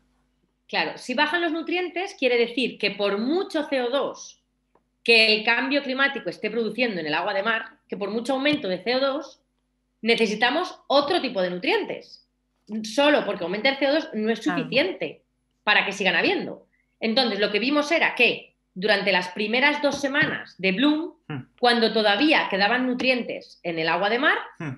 entonces, cuando todavía quedaban nutrientes en el agua de mar, el fitoplancton sí que fotosintetizaba más. Pero teníamos un problema y es que cuando no había, cuando ya no quedaban nutrientes, el fitoplancton ya no podía seguir sintetizando. Con lo cual, esta, esta idea idílica de enormes caladeros de pesca ya no es tan idílica. O sea, que tiene como... Que, llega un punto en, que se hace la zancadilla a sí mismo todo el proceso.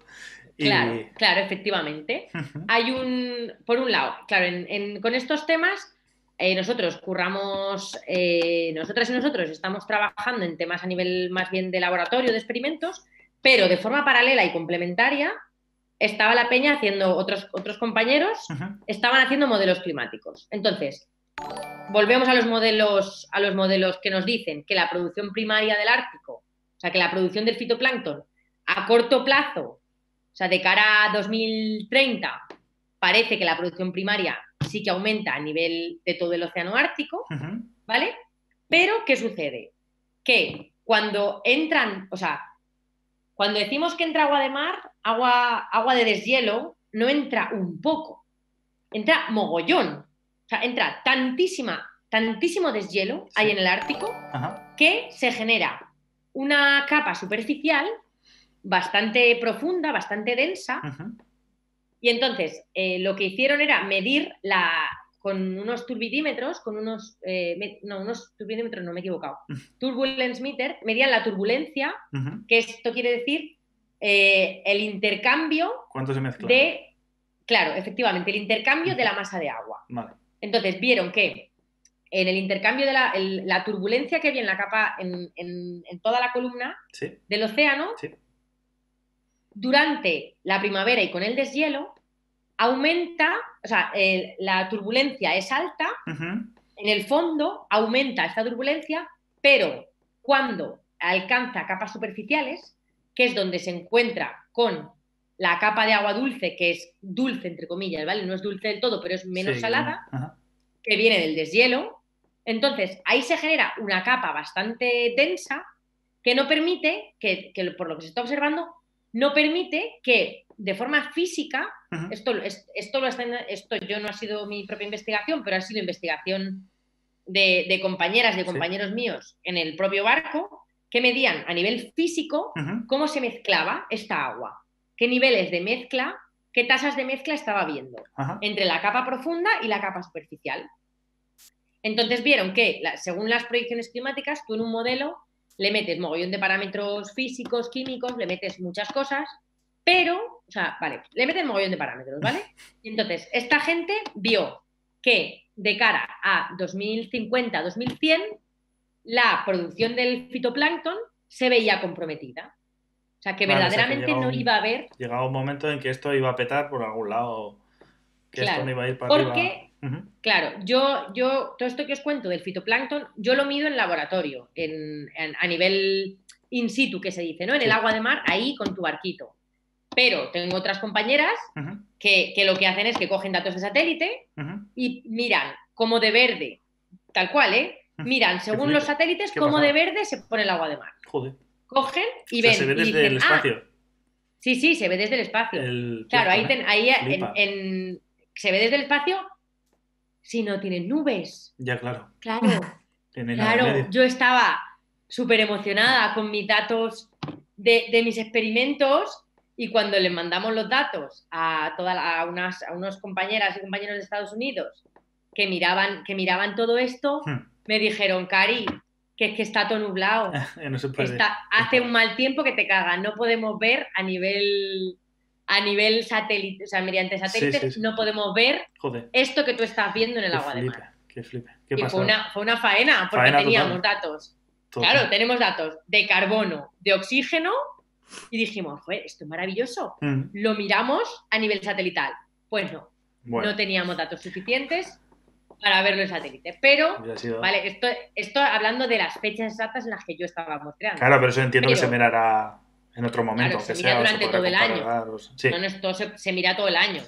Entonces, lo que hicieron fue, a nivel con muchos más años, compilando datos de muchos más años, miraron eh, cómo iba a cambiar la producción primaria del Ártico y vieron que de cara a 2050-2100, las predicciones nos decían que la producción primaria del Ártico, del fitoplancton, iba a bajar. Entonces, si, si, desciende la cantidad de fitoplancton que hay, que es la base de la cadena Exacto, o sea, porque es de lo que, lo que luego todos los bichos más grandes, digamos, dependen, ¿no? claro, de, ahí depende, todo el mundo depende de eso. Eso lo hemos aprendido todos en el cole, ¿no? Que los pececitos pequeños se comen al plancton, luego los grandes se comen a los más pequeñitos, los más grandes a los más grandes. Efectivamente.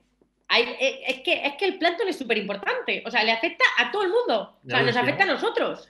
Si no tenemos fitoplancton, no tenemos bacalao. O sea, ni, ni merluzas. Literalmente, ¿no? es que esa es otra de las cosas interesantes. Eso es. otra de las cosas. Los chipirones de Cádiz. O sea, es que, es que mm, la gamba roja de Denia. O sea, vamos a ver, que es que aquí. Marina. En Galicia, en Galicia se come mucho pescado. Pues el pescado depende del fitoplancton. A mí me, lo, me lo vendáis como queráis, pero, pero esto es muy importante. Por muy pequeño que nos parezca. Ya ves. Marina, nos preguntan por el chat algunas cosillas relacionadas con lo que estás contando. Eh, hay gente que está preguntando si estos estudios están ya publicados en revistas o, no.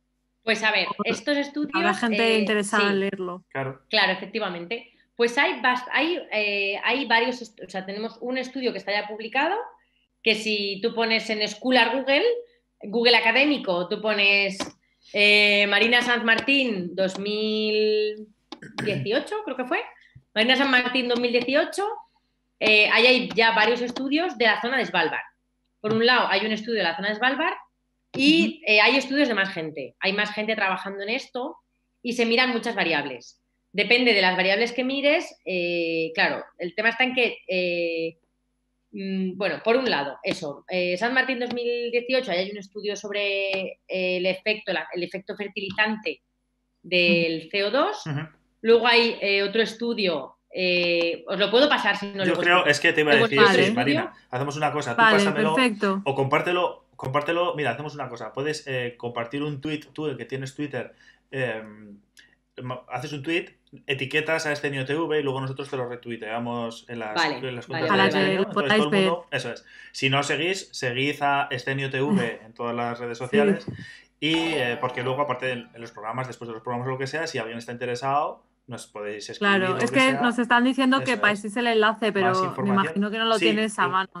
supongo que no lo tendrá a mano, pero lo dejamos en, en pero luego lo, o si no mañana. Lo, a ver, si no me pongo ahora mismo y te lo encuentro, ¿eh? pero vaya, yo doy una pista, ¿vale? Doy una pista. Todo esto, esto, esto es una de las. esto, ahora os voy a contar una de las desgracias mundiales sobre la ciencia. Estos artículos los hemos pagado públicamente todos con nuestro dinero, con nuestros impuestos. ¿vale? Porque hemos financiado proyectos científicos a CSIC, a universidades, a centros de investigación, ¿vale? Tú coges y mm, tu director, en, este caso mi director de tesis, que fue Carlos Duarte, eh, pagan mm, con la financiación pública estas publicaciones que muy a menudo son cerradas. Entonces, eh, lo cual quiere decir que no, publicas en acceso libre. Entonces, si, si, queréis acceder cualquier persona que esté en su casa quiere leer todo esto, tiene que pagar unos 30 euros para acceder a un artículo, a, un artículo que yo y que mogollón de gente publica, ¿vale? Pero que, pero que has financiado tú, ¿vale? Con tu dinero, con tus impuestos. es una, daría para ¿Vale? Así que eh, lo que podemos hacer, claro, lo que podemos hacer es, enlazar todos estos artículos y añadir a Stihub. También. Ah, ¿vale? Que, que Alexandra Elbakan la rusa maravillosa, que para mí es una de mis ídolas, que yo, vamos, muero por ella, es la, rusa que, hizo la ciencia libre a nivel mundial. yo Voy a dejar aquí escrito por si no... Sí, ahí lo yo ahora mismo, mi centro de investigación, el IEO, el Instituto Español de Oceanografía, no financia, no paga las revistas científicas, pues no tiene financiación. O sea, paga para que te publiquen, pero no, pero no, tenemos acceso desde mi curro. Entonces yo, para poder currar, lo que tengo que hacer es acceder a, la, a, Estija para descargarme todos los artículos, poder elaborar mis informes y escribir artículos para Vaya, o sea, es que es muy heavy el asunto, ¿eh? Es o sea, es que es, un drama. Uno de los. es, un dramón. Eh, que, el CSIC. o sea, el CSIC sí que tiene revistas compradas. y muchas universidades. Pero tú quieres hacer un TFM o un TFG o una aquí del TFG. en el chat que está diciendo que se lo deben. Están hablando del TFG. precisamente. El TFG. Le debemos a, a, esta mujer. Totalmente. Bueno, respecto, Marina, respecto a preguntas, digo, ¿tienen, ¿han hecho alguna más eh, interesante? Han dicho, aunque no suponga un aporte de CO2, ¿supone un aporte de nutrientes e, esa, agua del deshielo? Vale, ahora, ahora vale, retomamos con, volvemos al Ártico, ¿vale? Que a mí me, pones a hablar y yo me voy. Resume, Marina, resume. Me resume. que no nos va a dar tiempo a todo, Marina. Venga, venga, venga, voy a darle caña. Entonces, el tema está. Tenemos muchas preguntas. claro, el tema está en que eh, el, agua, el agua de deshielo genera una entrada muy grande. Por un lado, de nutrientes, de contaminantes, porque también hay mogollón de contaminantes en el agua de deshielo, y genera a nivel físico una capa de agua que queda en la superficie. Entonces, los nutrientes de la superficie se los consume el fitoplancton, ¿vale? Cuando, cuando hay un bloom. ¿Qué pasa? Que normalmente, normalmente quiere decir ahora mismo, actualmente, o en, los últimos, o sea, históricamente, eh, el océano, el océano Atlántico, asciende hasta el Ártico y transporta aguas frías, o sea, transporta toda el agua cargada, las aguas profundas transportan aguas cargadas de nutrientes, porque en el fondo del mar, como hay oscuridad, no hay nadie que consuma nutrientes. Hmm. No hay, no hay fitoplancton que se consuma los nutrientes. Hay mogollón de bichos y peces cagando. Cuando ellos cagan, emiten, o sea, expulsan amoníaco, nitratos, que ah. está en la urea. Entonces, en el fondo del mar hay muchos nutrientes. Normalmente lo que suele pasar es que los nutrientes se transportan a la superficie y renuevan las capas de agua dulce. Esto pasa en muchas zonas, que son los llamados upwellings. upwelling quiere decir floración que ascienden los nutrientes, afloramientos, son cosas distintas, ¿vale? Un afloramiento, eh, ascienden las masas de agua frías, llegan a la superficie y aportan nutrientes. ¿Qué pasa cuando hay mogollón de deshielo en el Ártico? Que esta capa de agua, de agua dulce, casi dulce, genera una, masa densa que por lo que estamos viendo a nivel físico, por lo que están viendo compañeros, pues yo esta parte no la he mirado, genera una dificultad de mezcla y no permite que asciendan los nutrientes. De manera que si en un futuro hay más CO2, que nos viene muy bien para el fitoplancton y para favorecer la fotosíntesis y para retirar CO2 de la atmósfera, que ejerce como sumidero de carbono, o sea, palía el cambio climático, palía la presencia de, CO2, pero no, no es suficiente solo con CO2. Necesitamos también esos nutrientes que vienen de la superficie. si, no, si las capas profundas no logran ascender hasta arriba porque hay mucha agua dulce, no va a haber nutrientes arriba. Se altera todo el ciclo y se va todo al carajo. Así en resumen, científicamente dicho, ¿no? Claro, es, muy difícil. nivel del mar, claro. por otro lado tenemos la subida del nivel del mar. pero que, eso ya es como más evidente, ¿no? Pero es que son como Entonces, por lo que estamos descubriendo y lo que estoy descubriendo yo, hablando con gente de, distintos palos, digamos, que os estoy trayendo de distintos enfoques de la ciencia, es que el, cambio climático no es un problema, sino que es como un compendio de mogollón de problemas.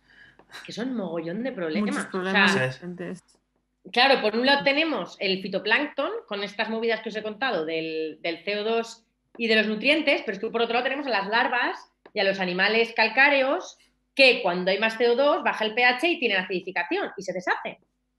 O sea, que es que esto es un, está como despelotando, un, se está, toma y daca. Sí, se está despelotando el, equilibrio que ha habido desde siempre, eh, el funcionamiento habitual de todos los ecosistemas en mm. general. Por, eso es tan difícil. Claro, es muy difícil extraer conclusiones y decir esto va a ser blanco o negro. O sea, no, no, hay, no hay grandes beneficiados ni grandes. O sea, es, muy complejo. Lo que, se te, lo que se te arregla por un lado se te fastidia por otro. por el otro, ya ves. ¿eh? O sea, es que no, no, no, lo tenemos, lo, tenemos, o sea, es muy complicado, vaya.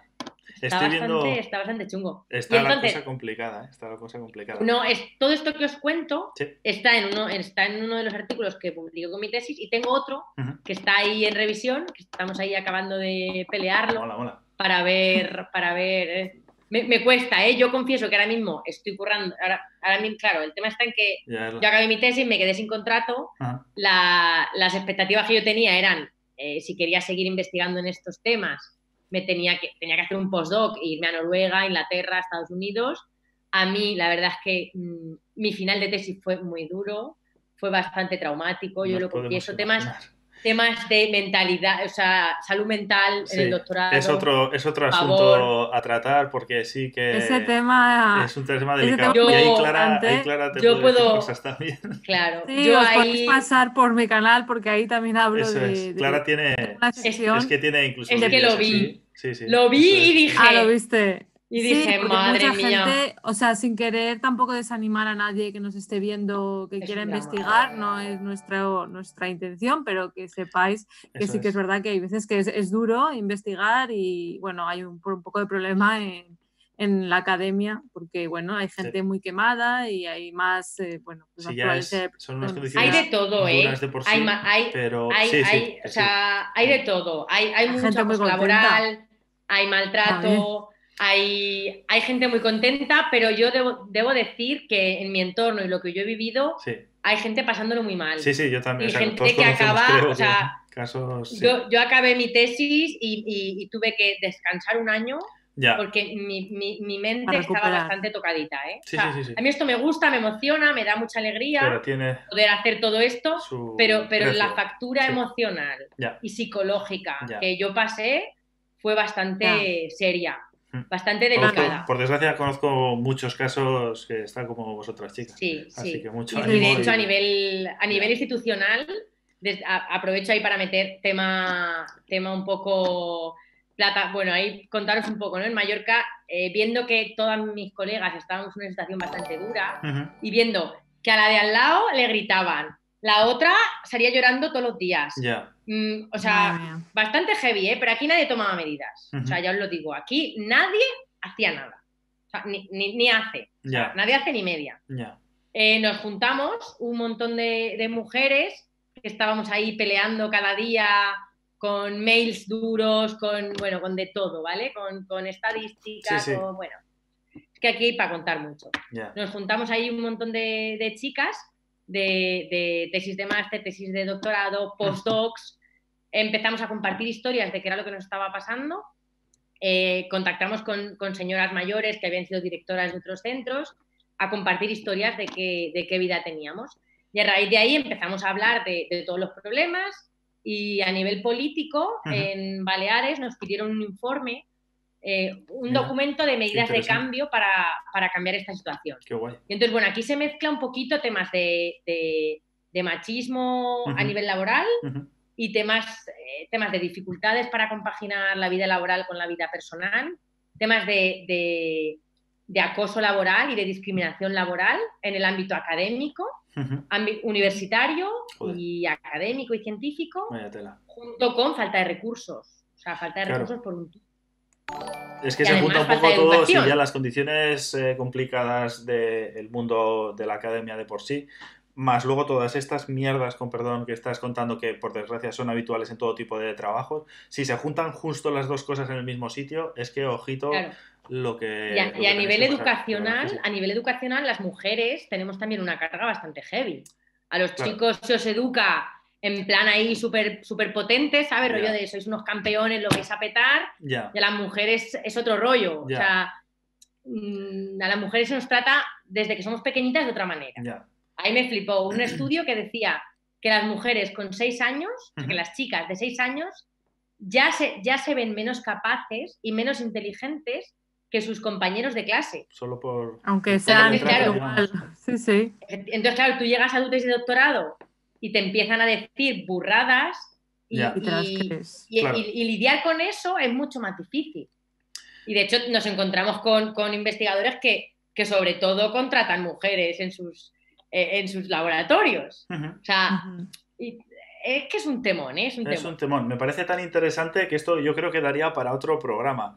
Eh, ¿Qué opina la gente del chat que estáis por ahí? ¿Hacemos un programa para hablar solo de, esto, de, todas estas eh, cosas? Academia. Hay gente que está diciendo la universidad y, hombre, en este caso aplicado al cambio climático, pero bueno, desde la investigación del cambio climático y, las mujeres y así, dicen por ahí que estaría bien. Si os parece bien, a mí me parece una buena idea hacer un día un programa sobre esto. ¿Qué me decís? Sí, que ¿Tú te animas, Marina? Y ahora que te, que te veo que se te calienta la lengua con esto, sí, claro, pues os sí, puede hacer claro, un especial. por supuesto. Eh, sí. Podría estar guay hacer un, un especial trayendo unas cuantas. Sí, sí, aquí en Mallorca estamos un equipazo. Y nos contáis un ya poco os lo digo. con más vale, aquí en Mallorca tenemos, tenemos un tenemos poco tiempo, no nos vais a poder contar con detalle, pero yo creo que esto. Eh, mira, están diciendo que le demos caña al tema y así, sí. Al pues, tema. En el chat está molando la idea. Em, pues organizamos un día. Eh, os venís unas cuantas y nos contáis con detalle, dedicamos las dos horas del programa solo a contar este tipo de, movidas. ¿Qué os parece? Venga, yo, me animo, vaya. ¿Sí? de hecho ya le preguntaba a algunas compañeras ahí en plan de, oye, me han llamado para esto, ¿os apetece que metamos este tema? Es que me parece importante. No, que no solo de ciencia va la cosa, ¿no? Eso es, eso es, eso es, eso es. Ya veis que aquí yo lo que quiero es tratarlo desde todo el, desde todos los puntos de vista posibles. y es que me da rabia que se quede solo como en un comentario de pasada que has hecho ahora, eh, cuando la cosa tiene chicha como para hablar largo y tendido. Entonces, eh, sí, sí, sí, sí. Yo... Están diciendo, puede ser muy interesante dar luz al acoso institucional. Claro, hablar de eh, todas estas bueno, movidas que sí. todas estas... Sí, sí.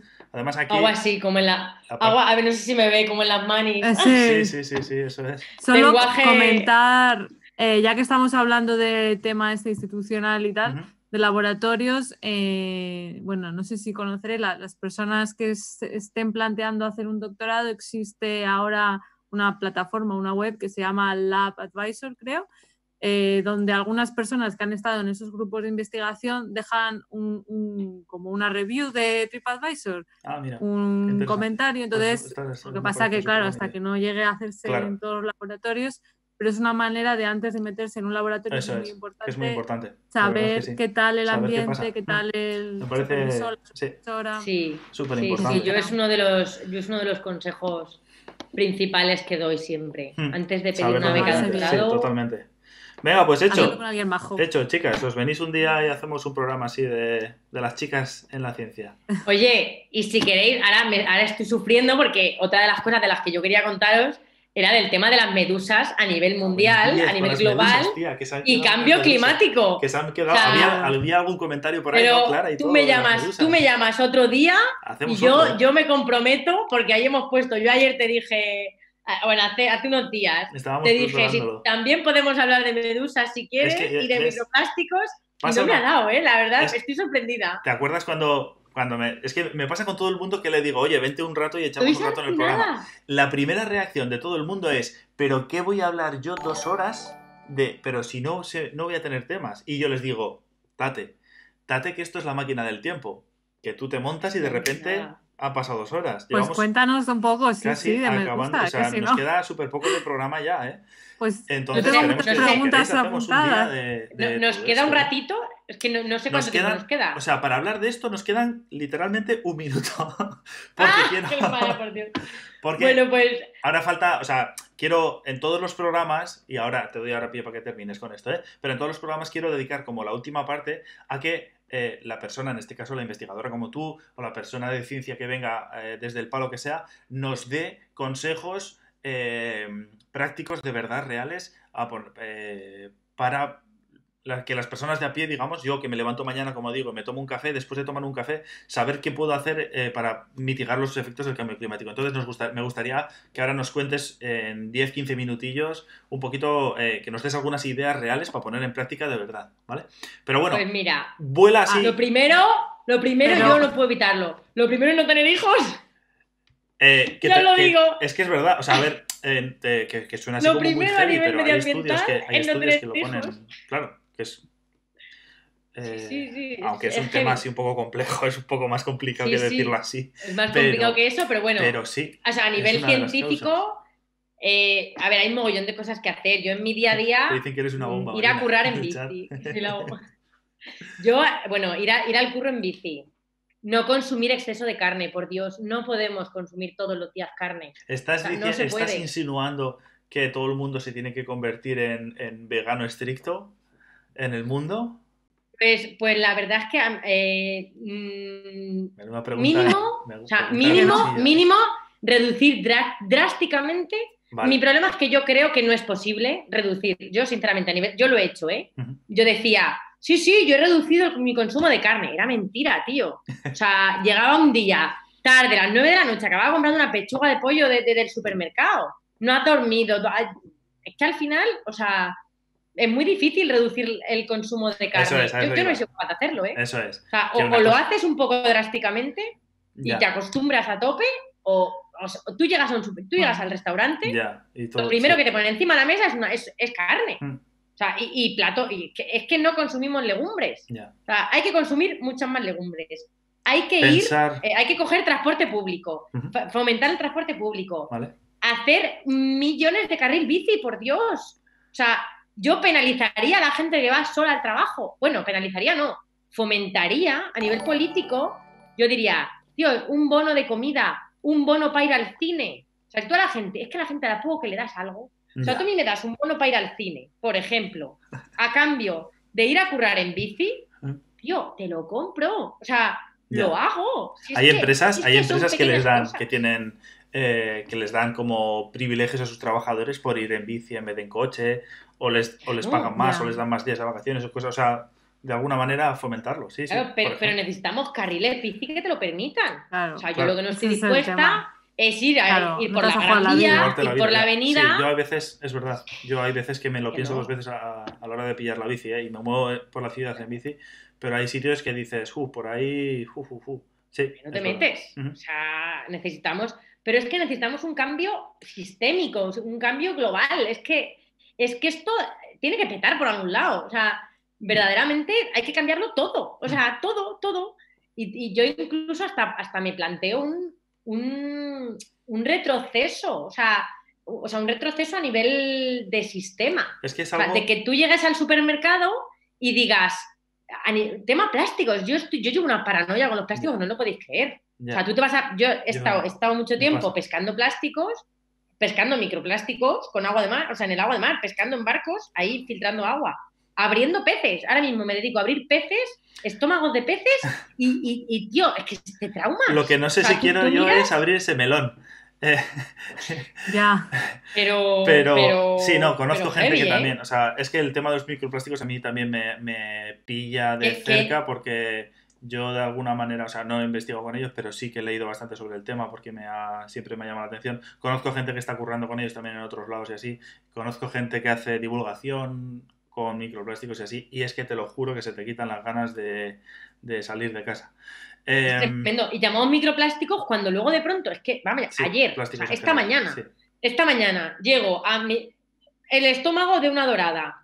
Tú le, te cargas la materia orgánica a ver qué le queda dentro tío, unos plásticos así de gordos. O sea, pero, pero mogollón. O sea, no, no, estamos hablando de cosas pequeñas. O sea, bueno, y, las cosas pequeñas también son graves, pero, pero es que es muy heavy. O sea, a mí me parece que es un drama. Otro día, un día hablamos, un día hablamos de eso si quieres también.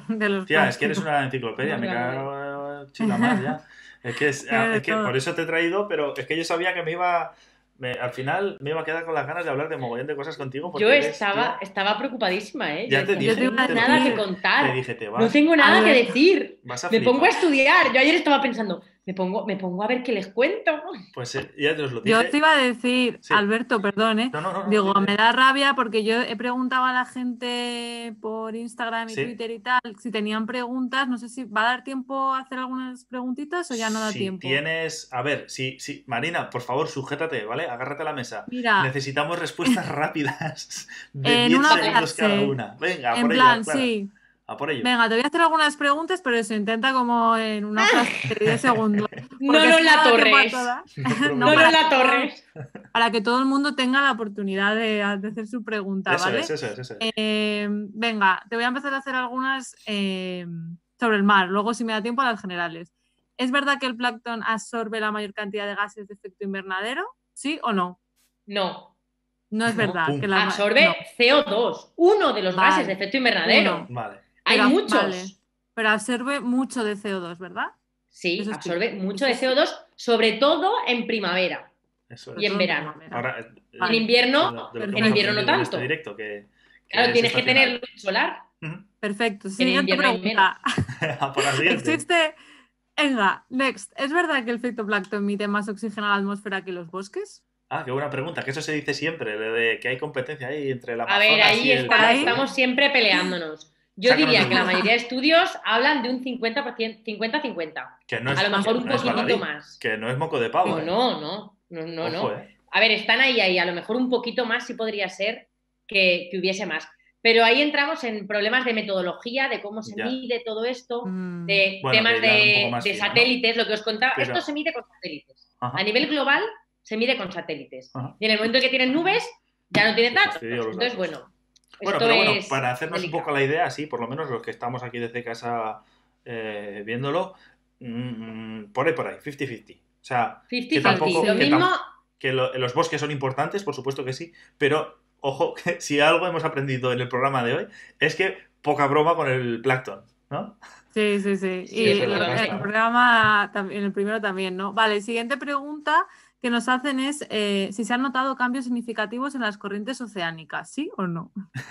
bueno, pues ahí hay un, ahí hay- es un temón. Ahora mismo la corriente del Golfo se está viendo que la corriente del Golfo, que el, que el transporte de la corriente del Golfo que baja por Groenlandia, desde Groenlandia el agua del Ártico baja eh, hasta México y sube por, eh, hace un giro, sube por, por Galicia y llega al Ártico. Ahí está habiendo un problema con la corriente del Golfo. Y se está viendo que pueden alterarse estas corrientes. Ajá. De hecho, la corriente eh, que, que pasa por, por Galicia, que es la corriente del Atlántico Norte, que entra en el Ártico, entra cada vez, se está viendo que con los años cada vez está más caliente esta corriente.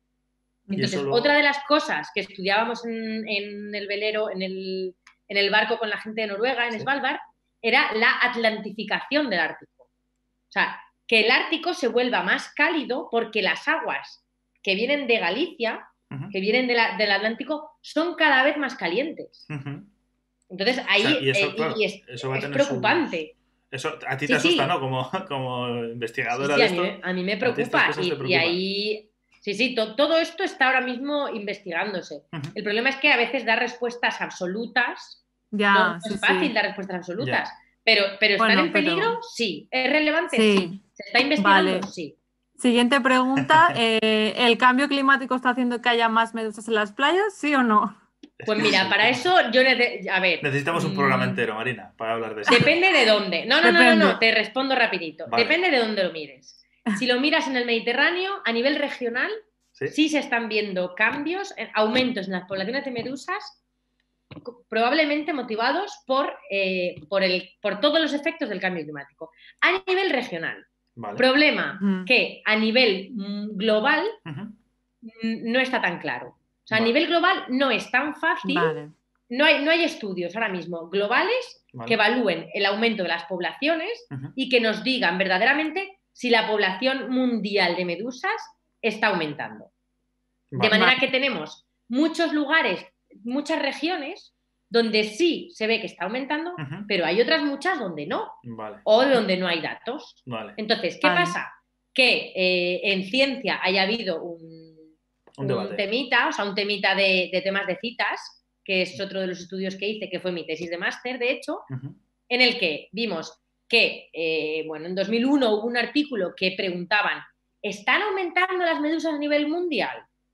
Y esta señora, Claudia Mills, no decía, no contestaba a la pregunta en su paper. O sea, ella ella Oh, hacía una recopilación, Clickbait. claro, ella bueno. hacía una recopilación, ¿vale? Ah, vale. Y 20 años después, 20 no, pero vaya, Sí, eh, casi. 15 años después o 13 años después, mm, se le preguntó, oye, Claudia, Claudia Mills, vaya, no voy a decir oye, Claudia, oye, Mills, señora Mills, ¿usted qué opina de todo esto? Mira, es que a nivel mundial, la, claro, a los medios de comunicación muchos artículos empezaron a citar el artículo de mm, Claudia, de, Claudia Mills, empezaron a, empezó a citarse, se hizo lo que, lo que llamábamos en España un teléfono escacharrado, ¿vale? Sí. Empezó a haber ahí un, un tema de, de, pasar un mensaje que no era del todo correcto, que no era del todo... Mm, eh, sí, fiable. Sí, no, estaba, claro, no estaba del todo demostrado. Entonces empezó a mandarse un mensaje desde, 2001 en, el que, eh, en el que los artículos empezaban a decir que sí que había, que sí que estaban aumentando a nivel mundial. Esto llegó a la prensa, la prensa empezó a decir que nos iban a, de hecho hay artículos científicos que dicen que nos van a invadir las medusas, que los océanos se van a convertir en gelatina, que, oh Dios mío, vamos a morir ahogados en gelatina de medusa. O sea, el jelly slime. Ese no es el mayor problema, ¿no? Del cambio climático. Y ese, por ahora, no parece que sea el mayor problema. ¿Qué pasa? Que necesitamos más. O sea, se está viendo que, eh, que, ahora mismo lo necesario son una serie de datos de poblaciones de medusas de 10 años más para poder comparar con los 20 años que hay. El problema es que las medusas se descartaban históricamente. Todos los pesqueros ah, pillaban medusas y las descartaban. No hay registros de poblaciones de medusas históricas son, mucho, son, muy recientes. Claro. Entonces necesitamos estudios, o sea, necesitamos más estudios para que pueda comparar, para poder, claro, para poder tener series temporales. ¿Qué pasa? Que si no hay barcos que salgan a, pescar y a evaluar las poblaciones de peces y de medusas, que es ahora mismo uno de los problemas que tiene el IEO, mi centro de investigación, ahora mismo está siendo medio intervenido. Porque por problemas económicos, porque ha habido un parón muy grande de los barcos. Bueno, hay un parón, bueno, esto también es otro drama, ¿vale?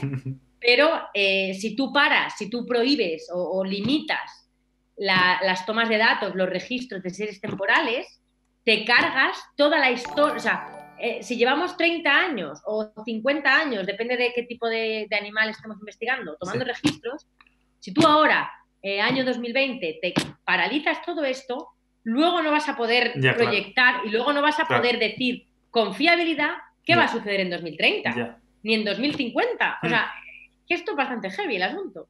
Hmm. Entonces, bueno, eh, para poder contestar a la pregunta necesitamos... Es complejo, ¿no? La respuesta es, que es Más de datos. Pero por, ahora, por ahora no. O sea, por ahora a nivel global no, pero a nivel, regional, regional sí. Vale. Vale. Eh, una pregunta muy general, pero que creo que también es muy importante, ya no es solo de los océanos, es cómo se puede saber si la principal causa del cambio climático es realmente el ser humano o si son casos naturales. No sé si tienes una explicación. ahora mismo, ¿Cómo se puede saber? ¿Cómo se puede saber? Pues mira, esto se, sabe. Yo me remontaría al señor David Kepling, que en su momento eh, montó un sistema de detección de CO2 en Mauna Loa, en Hawái. Este señor de pronto se dio cuenta de que había cada vez más industrias que empezaba a ver, que, bueno, la, era industrial, la revolución industrial. Ostras, qué guay, de pronto tenemos más industrias. No, no, esto puede ser un problema. El famoso señor Kepling, que montó la curva de Kepling, que es el que midió el CO2 en la atmósfera, midió cuánto CO2 había en la atmósfera y empezó a observar que, o sea, ahora mismo a nivel mundial ya está demostrado que el aumento de, que el aumento de CO2 y de gases de efecto invernadero en la atmósfera es responsabilidad del ser humano. O sea que hay consenso esto científico. Ya se afirma, esto ya se ha afirmado por, por, la, por, el, por la gran mayoría de investigadores que responsabilizan a una única especie, que es el ser humano. Sí, sí. no ha habido es una correlación, entonces, es una correlación de cuanta más eh, cuanto más industrializado esté un lugar, más CO2 hay en ese sitio. Más CO2 hay. El tema del cambio climático para mí es clave que hay dos, cosas importantes. Una es que solo hay un ser, o sea, que solo ha, habido una especie a nivel mundial que lo ha hecho, o sea, a nivel eh, de todo el planeta Tierra, o planeta océano, yo lo llamaría planeta océano, es el ser humano quien lo ha producido y esto a nivel geológico nunca había pasado, que una sola especie se cargara todo el planeta, o sea, un, ser humano, una única especie. Y por otro lado, la velocidad, la rapidez con la que esto está sucediendo. Esto ha pasado en los últimos 200 años. Hmm. No se había visto previamente un cambio tan drástico. Es una fracción de, segundo en la, en, el, en la historia. la historia geológica, ¿no? Historia, claro, Sí, sí, sí. Vale, pues eh, que yo creo que queda claro entonces que sí, está, está muy claro eso. Eh, por otro lado, nos preguntan si es verdad que eh, sembrar árboles o plantar árboles no sirve para revertir el cambio climático, que lo que sirve de verdad es dejar de deforestar los bosques y selvas.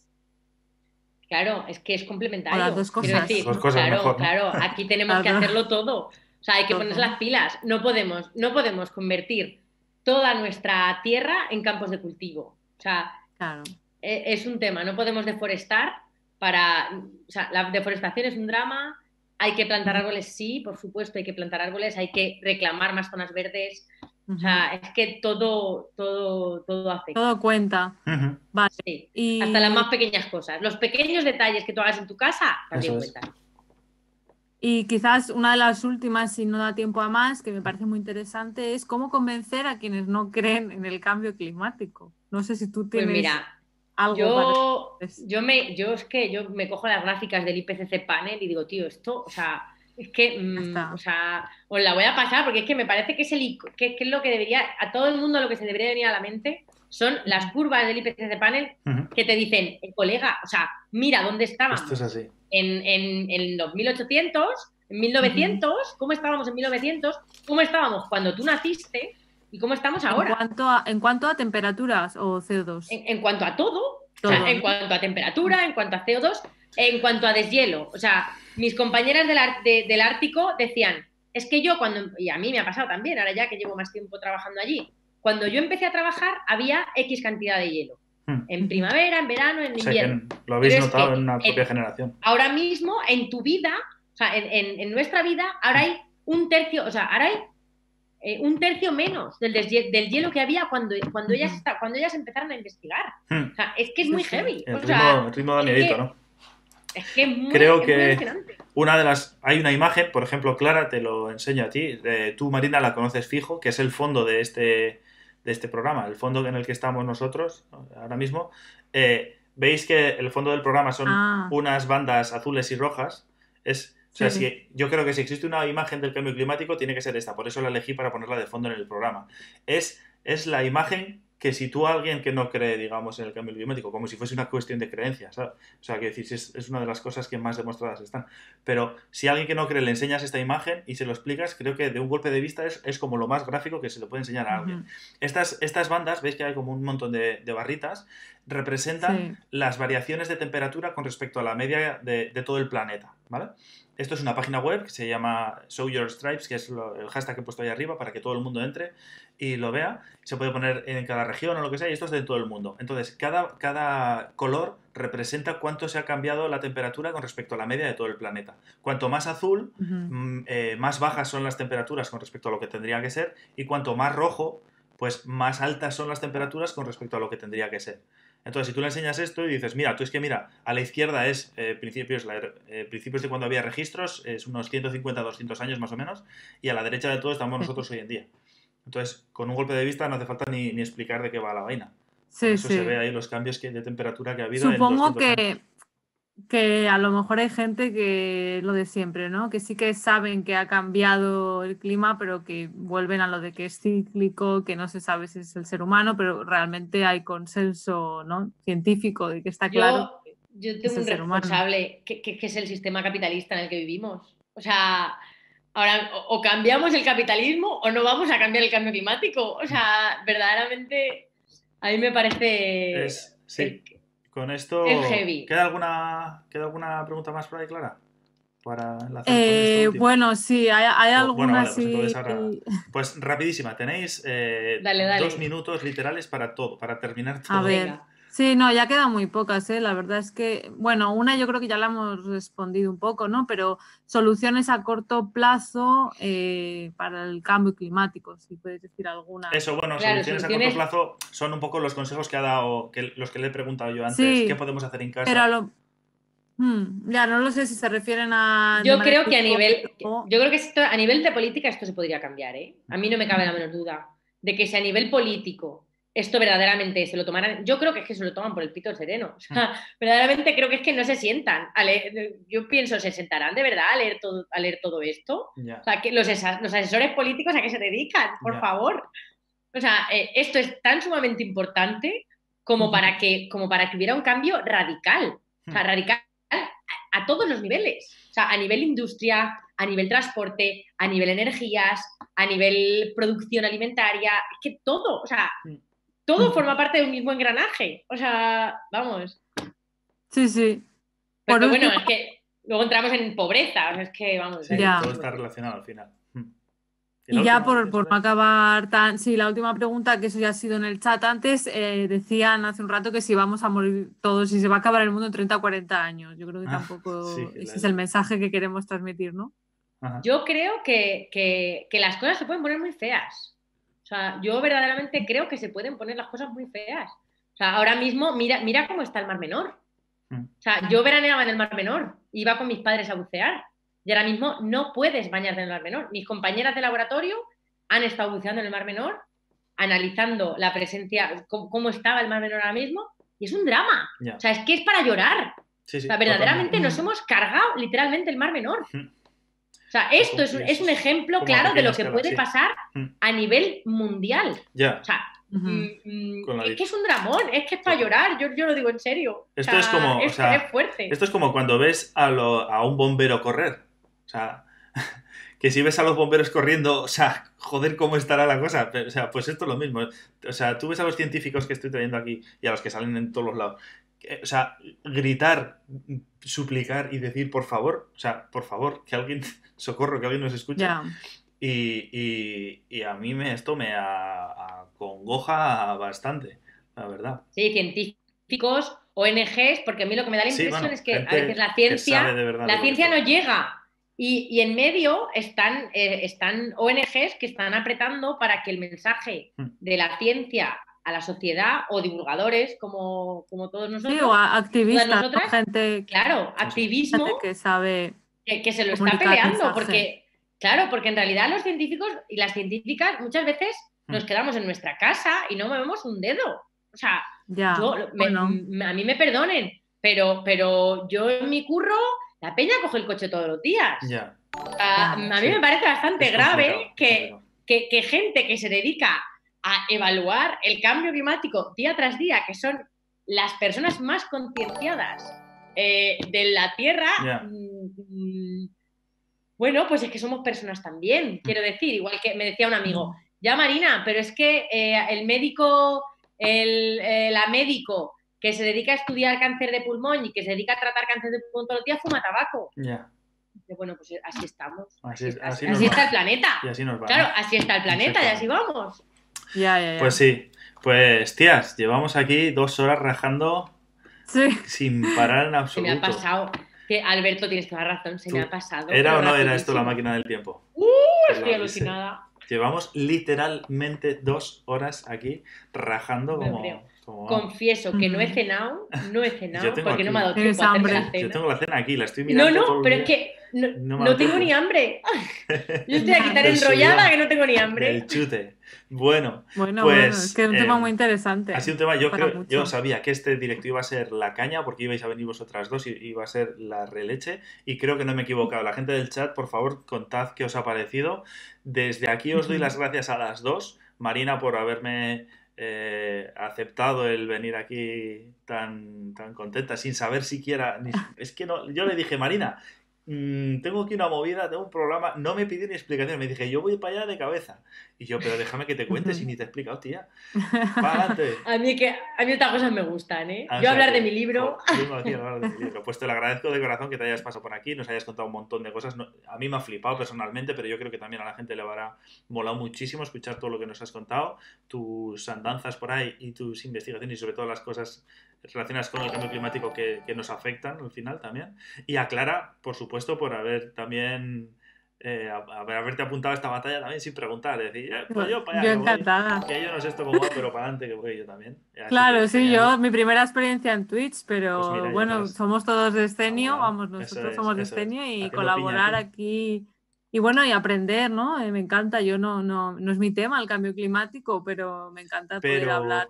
Eso, es, eso, mira, por ejemplo, me lo, ha, dicho más gente también cuando le he dicho, oye, vente, y me dice que es que mi tema no es el cambio climático, pero yo creo que es que el cambio climático es, el cambio climático es el tema de todo el mundo. O sea, sí, claro. porque esto es una cosa que nos afecta a, todo el mundo, entonces no hace falta que sea eh, otra cosa es que alguien tenga conocimientos profundos en un área o lo que sea, pero el cambio climático es, una, es un tema de todos. Y por eso quiero hacer este programa y enlazo un poco con lo que decíamos antes. Y he visto también por ahí en el, en el chat que ha dejado alguien algún mensaje así, que esto es un programa para todo el mundo, no es un programa para, para aprender cosas concretas. Eh, o alguna investigación puntual o lo que sea de cambio climático, sino que esto es un canal para que lo vean tus tíos, eh, Marina, cuando van a cenar, o, el hermano del chat, o mis padres cuando Me pongo mala de pensarlo. Pues para eso es este programa, precisamente. Eh, para que eh, escuchando a la gente que sabe, como tú, por ejemplo, Marina, eh, o todo el mundo que va a venir o que ha venido, sepa, o sea, que les contéis un poco de primera mano eh, qué es lo que está pasando de verdad, sin, sin, filtros de los medios de comunicación que suele haber, muchas veces tijeras y cosas así, y, que se aprenda de verdad, que hay gente que dudaba. Que, por ejemplo, he visto antes un mensaje por ahí, Julio me parece que decía que, que hay gente mayor, digamos, había dicho, no sé si 50 o algo así. Sí, te, lo iba a decir. Eso es que dice que, que, o sea, que no le demos tanta caña, pero que no es, no, no es una intención dar caña aquí a la gente por haber eh, dicho o estar contraria al cambio climático o lo que sea, sino No, no, pero esto me ha pasado, no, esto me ha pasado, me ha pasado mucho, ¿eh? O sea, con tu, con, esto me ha pasado mucho. en, un, en, un, bar con el que estuve, por ejemplo, el capitán, que era un motivado de la, de la, del mar, hmm. eh, era un negacionista férreo, un americano, hmm. férreo negacionista del cambio climático. Hmm o, sea, quiero decir, te, lo encuentras por todos los lados. esto es muy habitual. Pero claro, es que, es que es que bueno, pues necesitamos, mm, necesitamos políticas y políticos que, que, aboguen por todo esto. Mm. Y, no podemos, pues un Donald Trump como el que tenemos ahora mismo a nivel mundial no nos ayuda. O sea, no ayuda a la sociedad a que esto, a que esto cambie. Si algo estoy viendo que, que está siendo recurrente cuando os pregunto eh, a, los que sabéis, digamos, sobre esto, de verdad, porque trabajáis con ello, si algo está repitiéndose en todos estos programas y seguro que se repiten los siguientes, es, son varias cosas. Lo primero, que, la gente tiene poder como para cambiar las cosas, tanto a nivel personal como eh, a nivel político. Y mm. lo segundo es que como que hemos llegado a un ritmo que tenemos que, echar, eh, o sea, levantar el pie del acelerador y cambiar el ritmo de vida que tenemos, porque si no, esto ya está totalmente desmadrado, ¿no? Entonces, yo creo que igual, si lo dice la gente que sabe, esto es como si ves al bombero correr, pues igual tienes que echar a correr tú. Pues si, si, la gente que sabe está diciendo estas cosas, igual no son tan descabelladas y no son tan ida de olla o, tan disparate como, como para y, llevan diciéndolas tanto tiempo. Y llevan diciéndolas tanto tiempo y no se les escucha. Lo que pasa es que parece que no, no nos entra en la cabeza, es como bueno. Total, totalmente. Seguro que no es para tanto. Ya, pues igual, igual sí que va siendo de, Yo creo que, son, son intereses económicos, es mm. capitalismo. Sí, sí, la verdad, la única, es la única explicación que le veo, vamos. Pues mm. sí. Bueno, también quiero dar las gracias a todo el mundo que ha estado hoy conectado estas dos horazas de ladrillo que hemos soldado. Eh, todo el mundo que ha estado eh, tanto viéndolo en directo como comentando, sobre todo en el chat. Muchísimas gracias a todo el mundo que habéis dado vida al chat y habéis hecho preguntas súper interesantes y luego habéis estado comentando ahí entre, entre vosotros. Ahí. Eh, y muchísimas gracias también a la gente que está viendo este programa en diferido, porque luego esto lo subimos al canal de Estenio en YouTube. ¿vale? Si alguien quiere ver el resto de programas, está eh, solo tiene que entrar en poner YouTube. Ahora lo estoy pasando fatal porque, porque os he contado cosas y ahora esto va a estar subido. Esto va a estar subido por ahí. esto... esto luego se queda ahí. no, no, pero, pero, mi familia, mi familia, mi familia, la verdad es que la verdad, em, me ha costado un poquillo como que entra, no, todo el mundo, ¿no? Pero con algunas personas me ha tocado ahí que entraran un poco en, en pues explicarlo, pero cuando tú lo explicas, ya todo el mundo empieza, o sea, yo creo que, que, cada vez hay más conciencia. Eso es un poco mi intención. Que hay que hablar de esto y que a lo mejor eh, a priori, si tú oyes a, a Rajoy decir las cosas que dijo en su momento, pues todo el mundo se lo creyó. Luego, aunque, luego, aunque te retractes, como estoy yo haciendo ahora, es como estoy haciendo yo ahora con, lo que os he contado. Pero no, me ya, ya, pero que el, tema de mi familia, ¿no? Que, que, que, cuentas un poquito, claro. Y, que, y que una vez que el daño ya está hecho, pues es muy difícil eh, que, el primo de Rajoy, por mucho que el, físico catedrático se retractó un millón de veces y, sufrió a nivel de comunidad científica una barbaridad por, por, por, porque Rajoy dijera aquello que dijo. Eh, y, claro, esto cala a la gente hmm. y luego retirar esos mensajes son muy difíciles. Entonces, bueno, pues para eso estamos aquí hablando, en, hablando así de estas formas para poder... entendido. Claro, para poder convencer a la gente. Para compensar un poco, ¿no? La media. Claro, y, por supuesto. para Por supuesto que al final... Pero bueno, pero, pero yo creo que estamos avanzando, ¿eh? Y que cada vez más ojalá, eh, todas y todos estamos concienciados. Y hay un, hay un... Yo quiero pensar que, bueno, por lo menos mi familia yo creo que cada vez, yo se la atorro mucho, ¿eh? mi madre la pobre la tengo frita y mi padre también. Pero bueno, que, estamos todos ahí trabajando, que, todos vamos avanzando. Sí, yo creo que sí.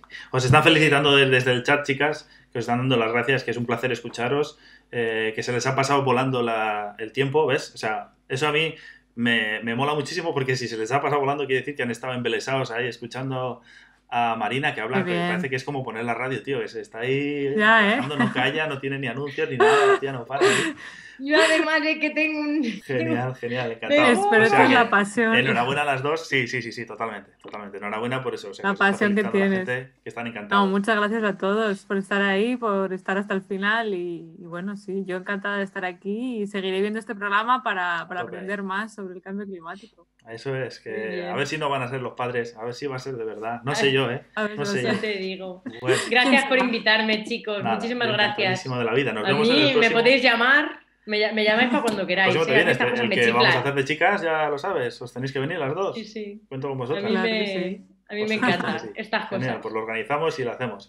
Ya sabéis, si queréis eh, saber más cosas, tenéis a Marina Sanz Martín en eh, Twitter y en Facebook. No tenéis más que buscarla, ¿vale? Si no, nos preguntáis en Escenio TV, también nos preguntáis. Y, en Twitter, mejor en Twitter. En Twitter, sí. En Twitter eh, se, se hacen como más cosas más científicas ahí, se hacen más comentarios y más Tanto la en Twitter. Eso es. Y a Clara en Cerebrotes. Clara también tiene eh, redes sociales, tanto Twitter como Instagram, Facebook y tal. Y sobre todo, sobre todo en YouTube, porque se marcó unos vídeos súper chulos, súper guays de neurobiología que molan muchísimo. Ya los he visto, ¿eh? Ya los he visto. Clara, enhorabuena. Hay que darle like. Vaya tela. Sí, sí, total. Muchas gracias a los dos. Vaya. Muchas gracias. Bueno, y a nosotros nos tenéis aquí eso, eh, a Escenio TV, que es un proyecto colaborativo de la comunidad Escenio, que somos unos cuantos zumbados y unos cuantas zumbadas, eh, divulgadores científicos que hemos creado un canal de contenido regular, semanal, eh, de momento tenemos cinco programas, todas las semanas, cinco programas de forma casi diaria, de lunes a jueves, todos los días tenéis programas de ciencia eh, relacionados con un montón de temas también flipantes. Os invito a que le echéis un vistacillo si no lo conocéis al resto de programas, eh, porque os va a molar mogollón, cada uno lo hace de una temática diferente. Y vamos a intentar hacer, a ver si lo conseguiremos, intentaremos conseguirlo pronto, que es llegar a tener contenido todos los días de la semana. Eh, programas científicos todos los, siete días de la semana, non-stop, ciencia, todo eh, ahí. Yo creo que hay mucha gente haciendo ciencia en sus laboratorios que seguro que está muy dispuesta a contarte lo que hace. Claro que sí. sí, yo encantado. Yo voy ahí, yo voy reclutando ahí eh, fichajes como Marina, por ejemplo, como los que he traído estos días, y yo seguiré ahí echándole la caña a todo el mundo para que se vengan y nos cuenten más cosas. Yo estoy flipando de la cantidad de cosas que he aprendido y de lo bien que nos lo pasamos encima. Eh, poco más, poco más me queda. Que, yo encantadísimo, que a vuestro servicio, cualquier cosa que necesitéis, estoy por las redes sociales, me tenéis ahí, Aventuras Barbudas, y si no, eh, en las redes sociales también de Escenio TV. Buscadnos por ahí, comentarnos qué os ha parecido también, porque nosotros eh, nos gusta un poco que nos contéis qué os ha parecido el programa, si os ha molado, si no os ha molado, lo que, cualquier cosilla, cualquier idea nueva que ya habéis comentado por ahí. Y también, sobre todo, os pedimos porfa, porfa, porfa, porfa, que nos compartáis el contenido, que necesitamos que ahora, justo ahora que estamos empezando y arrancando un poco, que la gente nos conozca un poquillo más. Así que, por favor, con, compartidnos publicaciones, decid que habéis estado aquí, contad por ahí cómo os lo habéis pasado no solo en mi programa, sino en el resto de programas de la semana, eh, para que todo el mundo conozca un poco este proyecto y, que la comunidad vaya creciendo, que estamos súper contentos con la participación que está teniendo todo el mundo. Poco más. tías, nos vamos a cenar, que yo tampoco he cenado, ¿eh? Eso. La mano. Tenéis aquí hambre a, tengo. A pan y agua, ¿eh? Nos vamos todos ya. Y tengo la nevera vacía. Oh, Dios mío. Como buena científica. claro Qué que mal. sí. Bueno, Bueno, pues nada, chicas, encantadísimo por las de la redes, sí. Nos vemos en el próximo programa. Todos los martes a las nueve y media, hora española peninsular. Aquí tenemos un programa para hablar de cambio climático. La próxima semana hablamos de comunicación. Voy a traer a una, una persona experta en comunicación de cambio climático y hablaremos todo el programa sobre este tema, que me parece también algo a tener en cuenta. Ya lo veré, ya lo veré. Estaré por ahí os yo. esperamos por allí, por el chat, ¿eh? Sí, sí, sí. Ahí, ahí. Ahí me tendrás, ahí me tendrás a tope. A tope, genial, muchísimas gracias. Bueno, pues chicas, nos vemos en, en las redes sociales y nos vemos en el próximo programa, ¿vale? Detenemos la transmisión sí. aquí. Muchísimas gracias a todo el mundo. Nos vemos el próximo martes. Hasta luego. Hasta luego.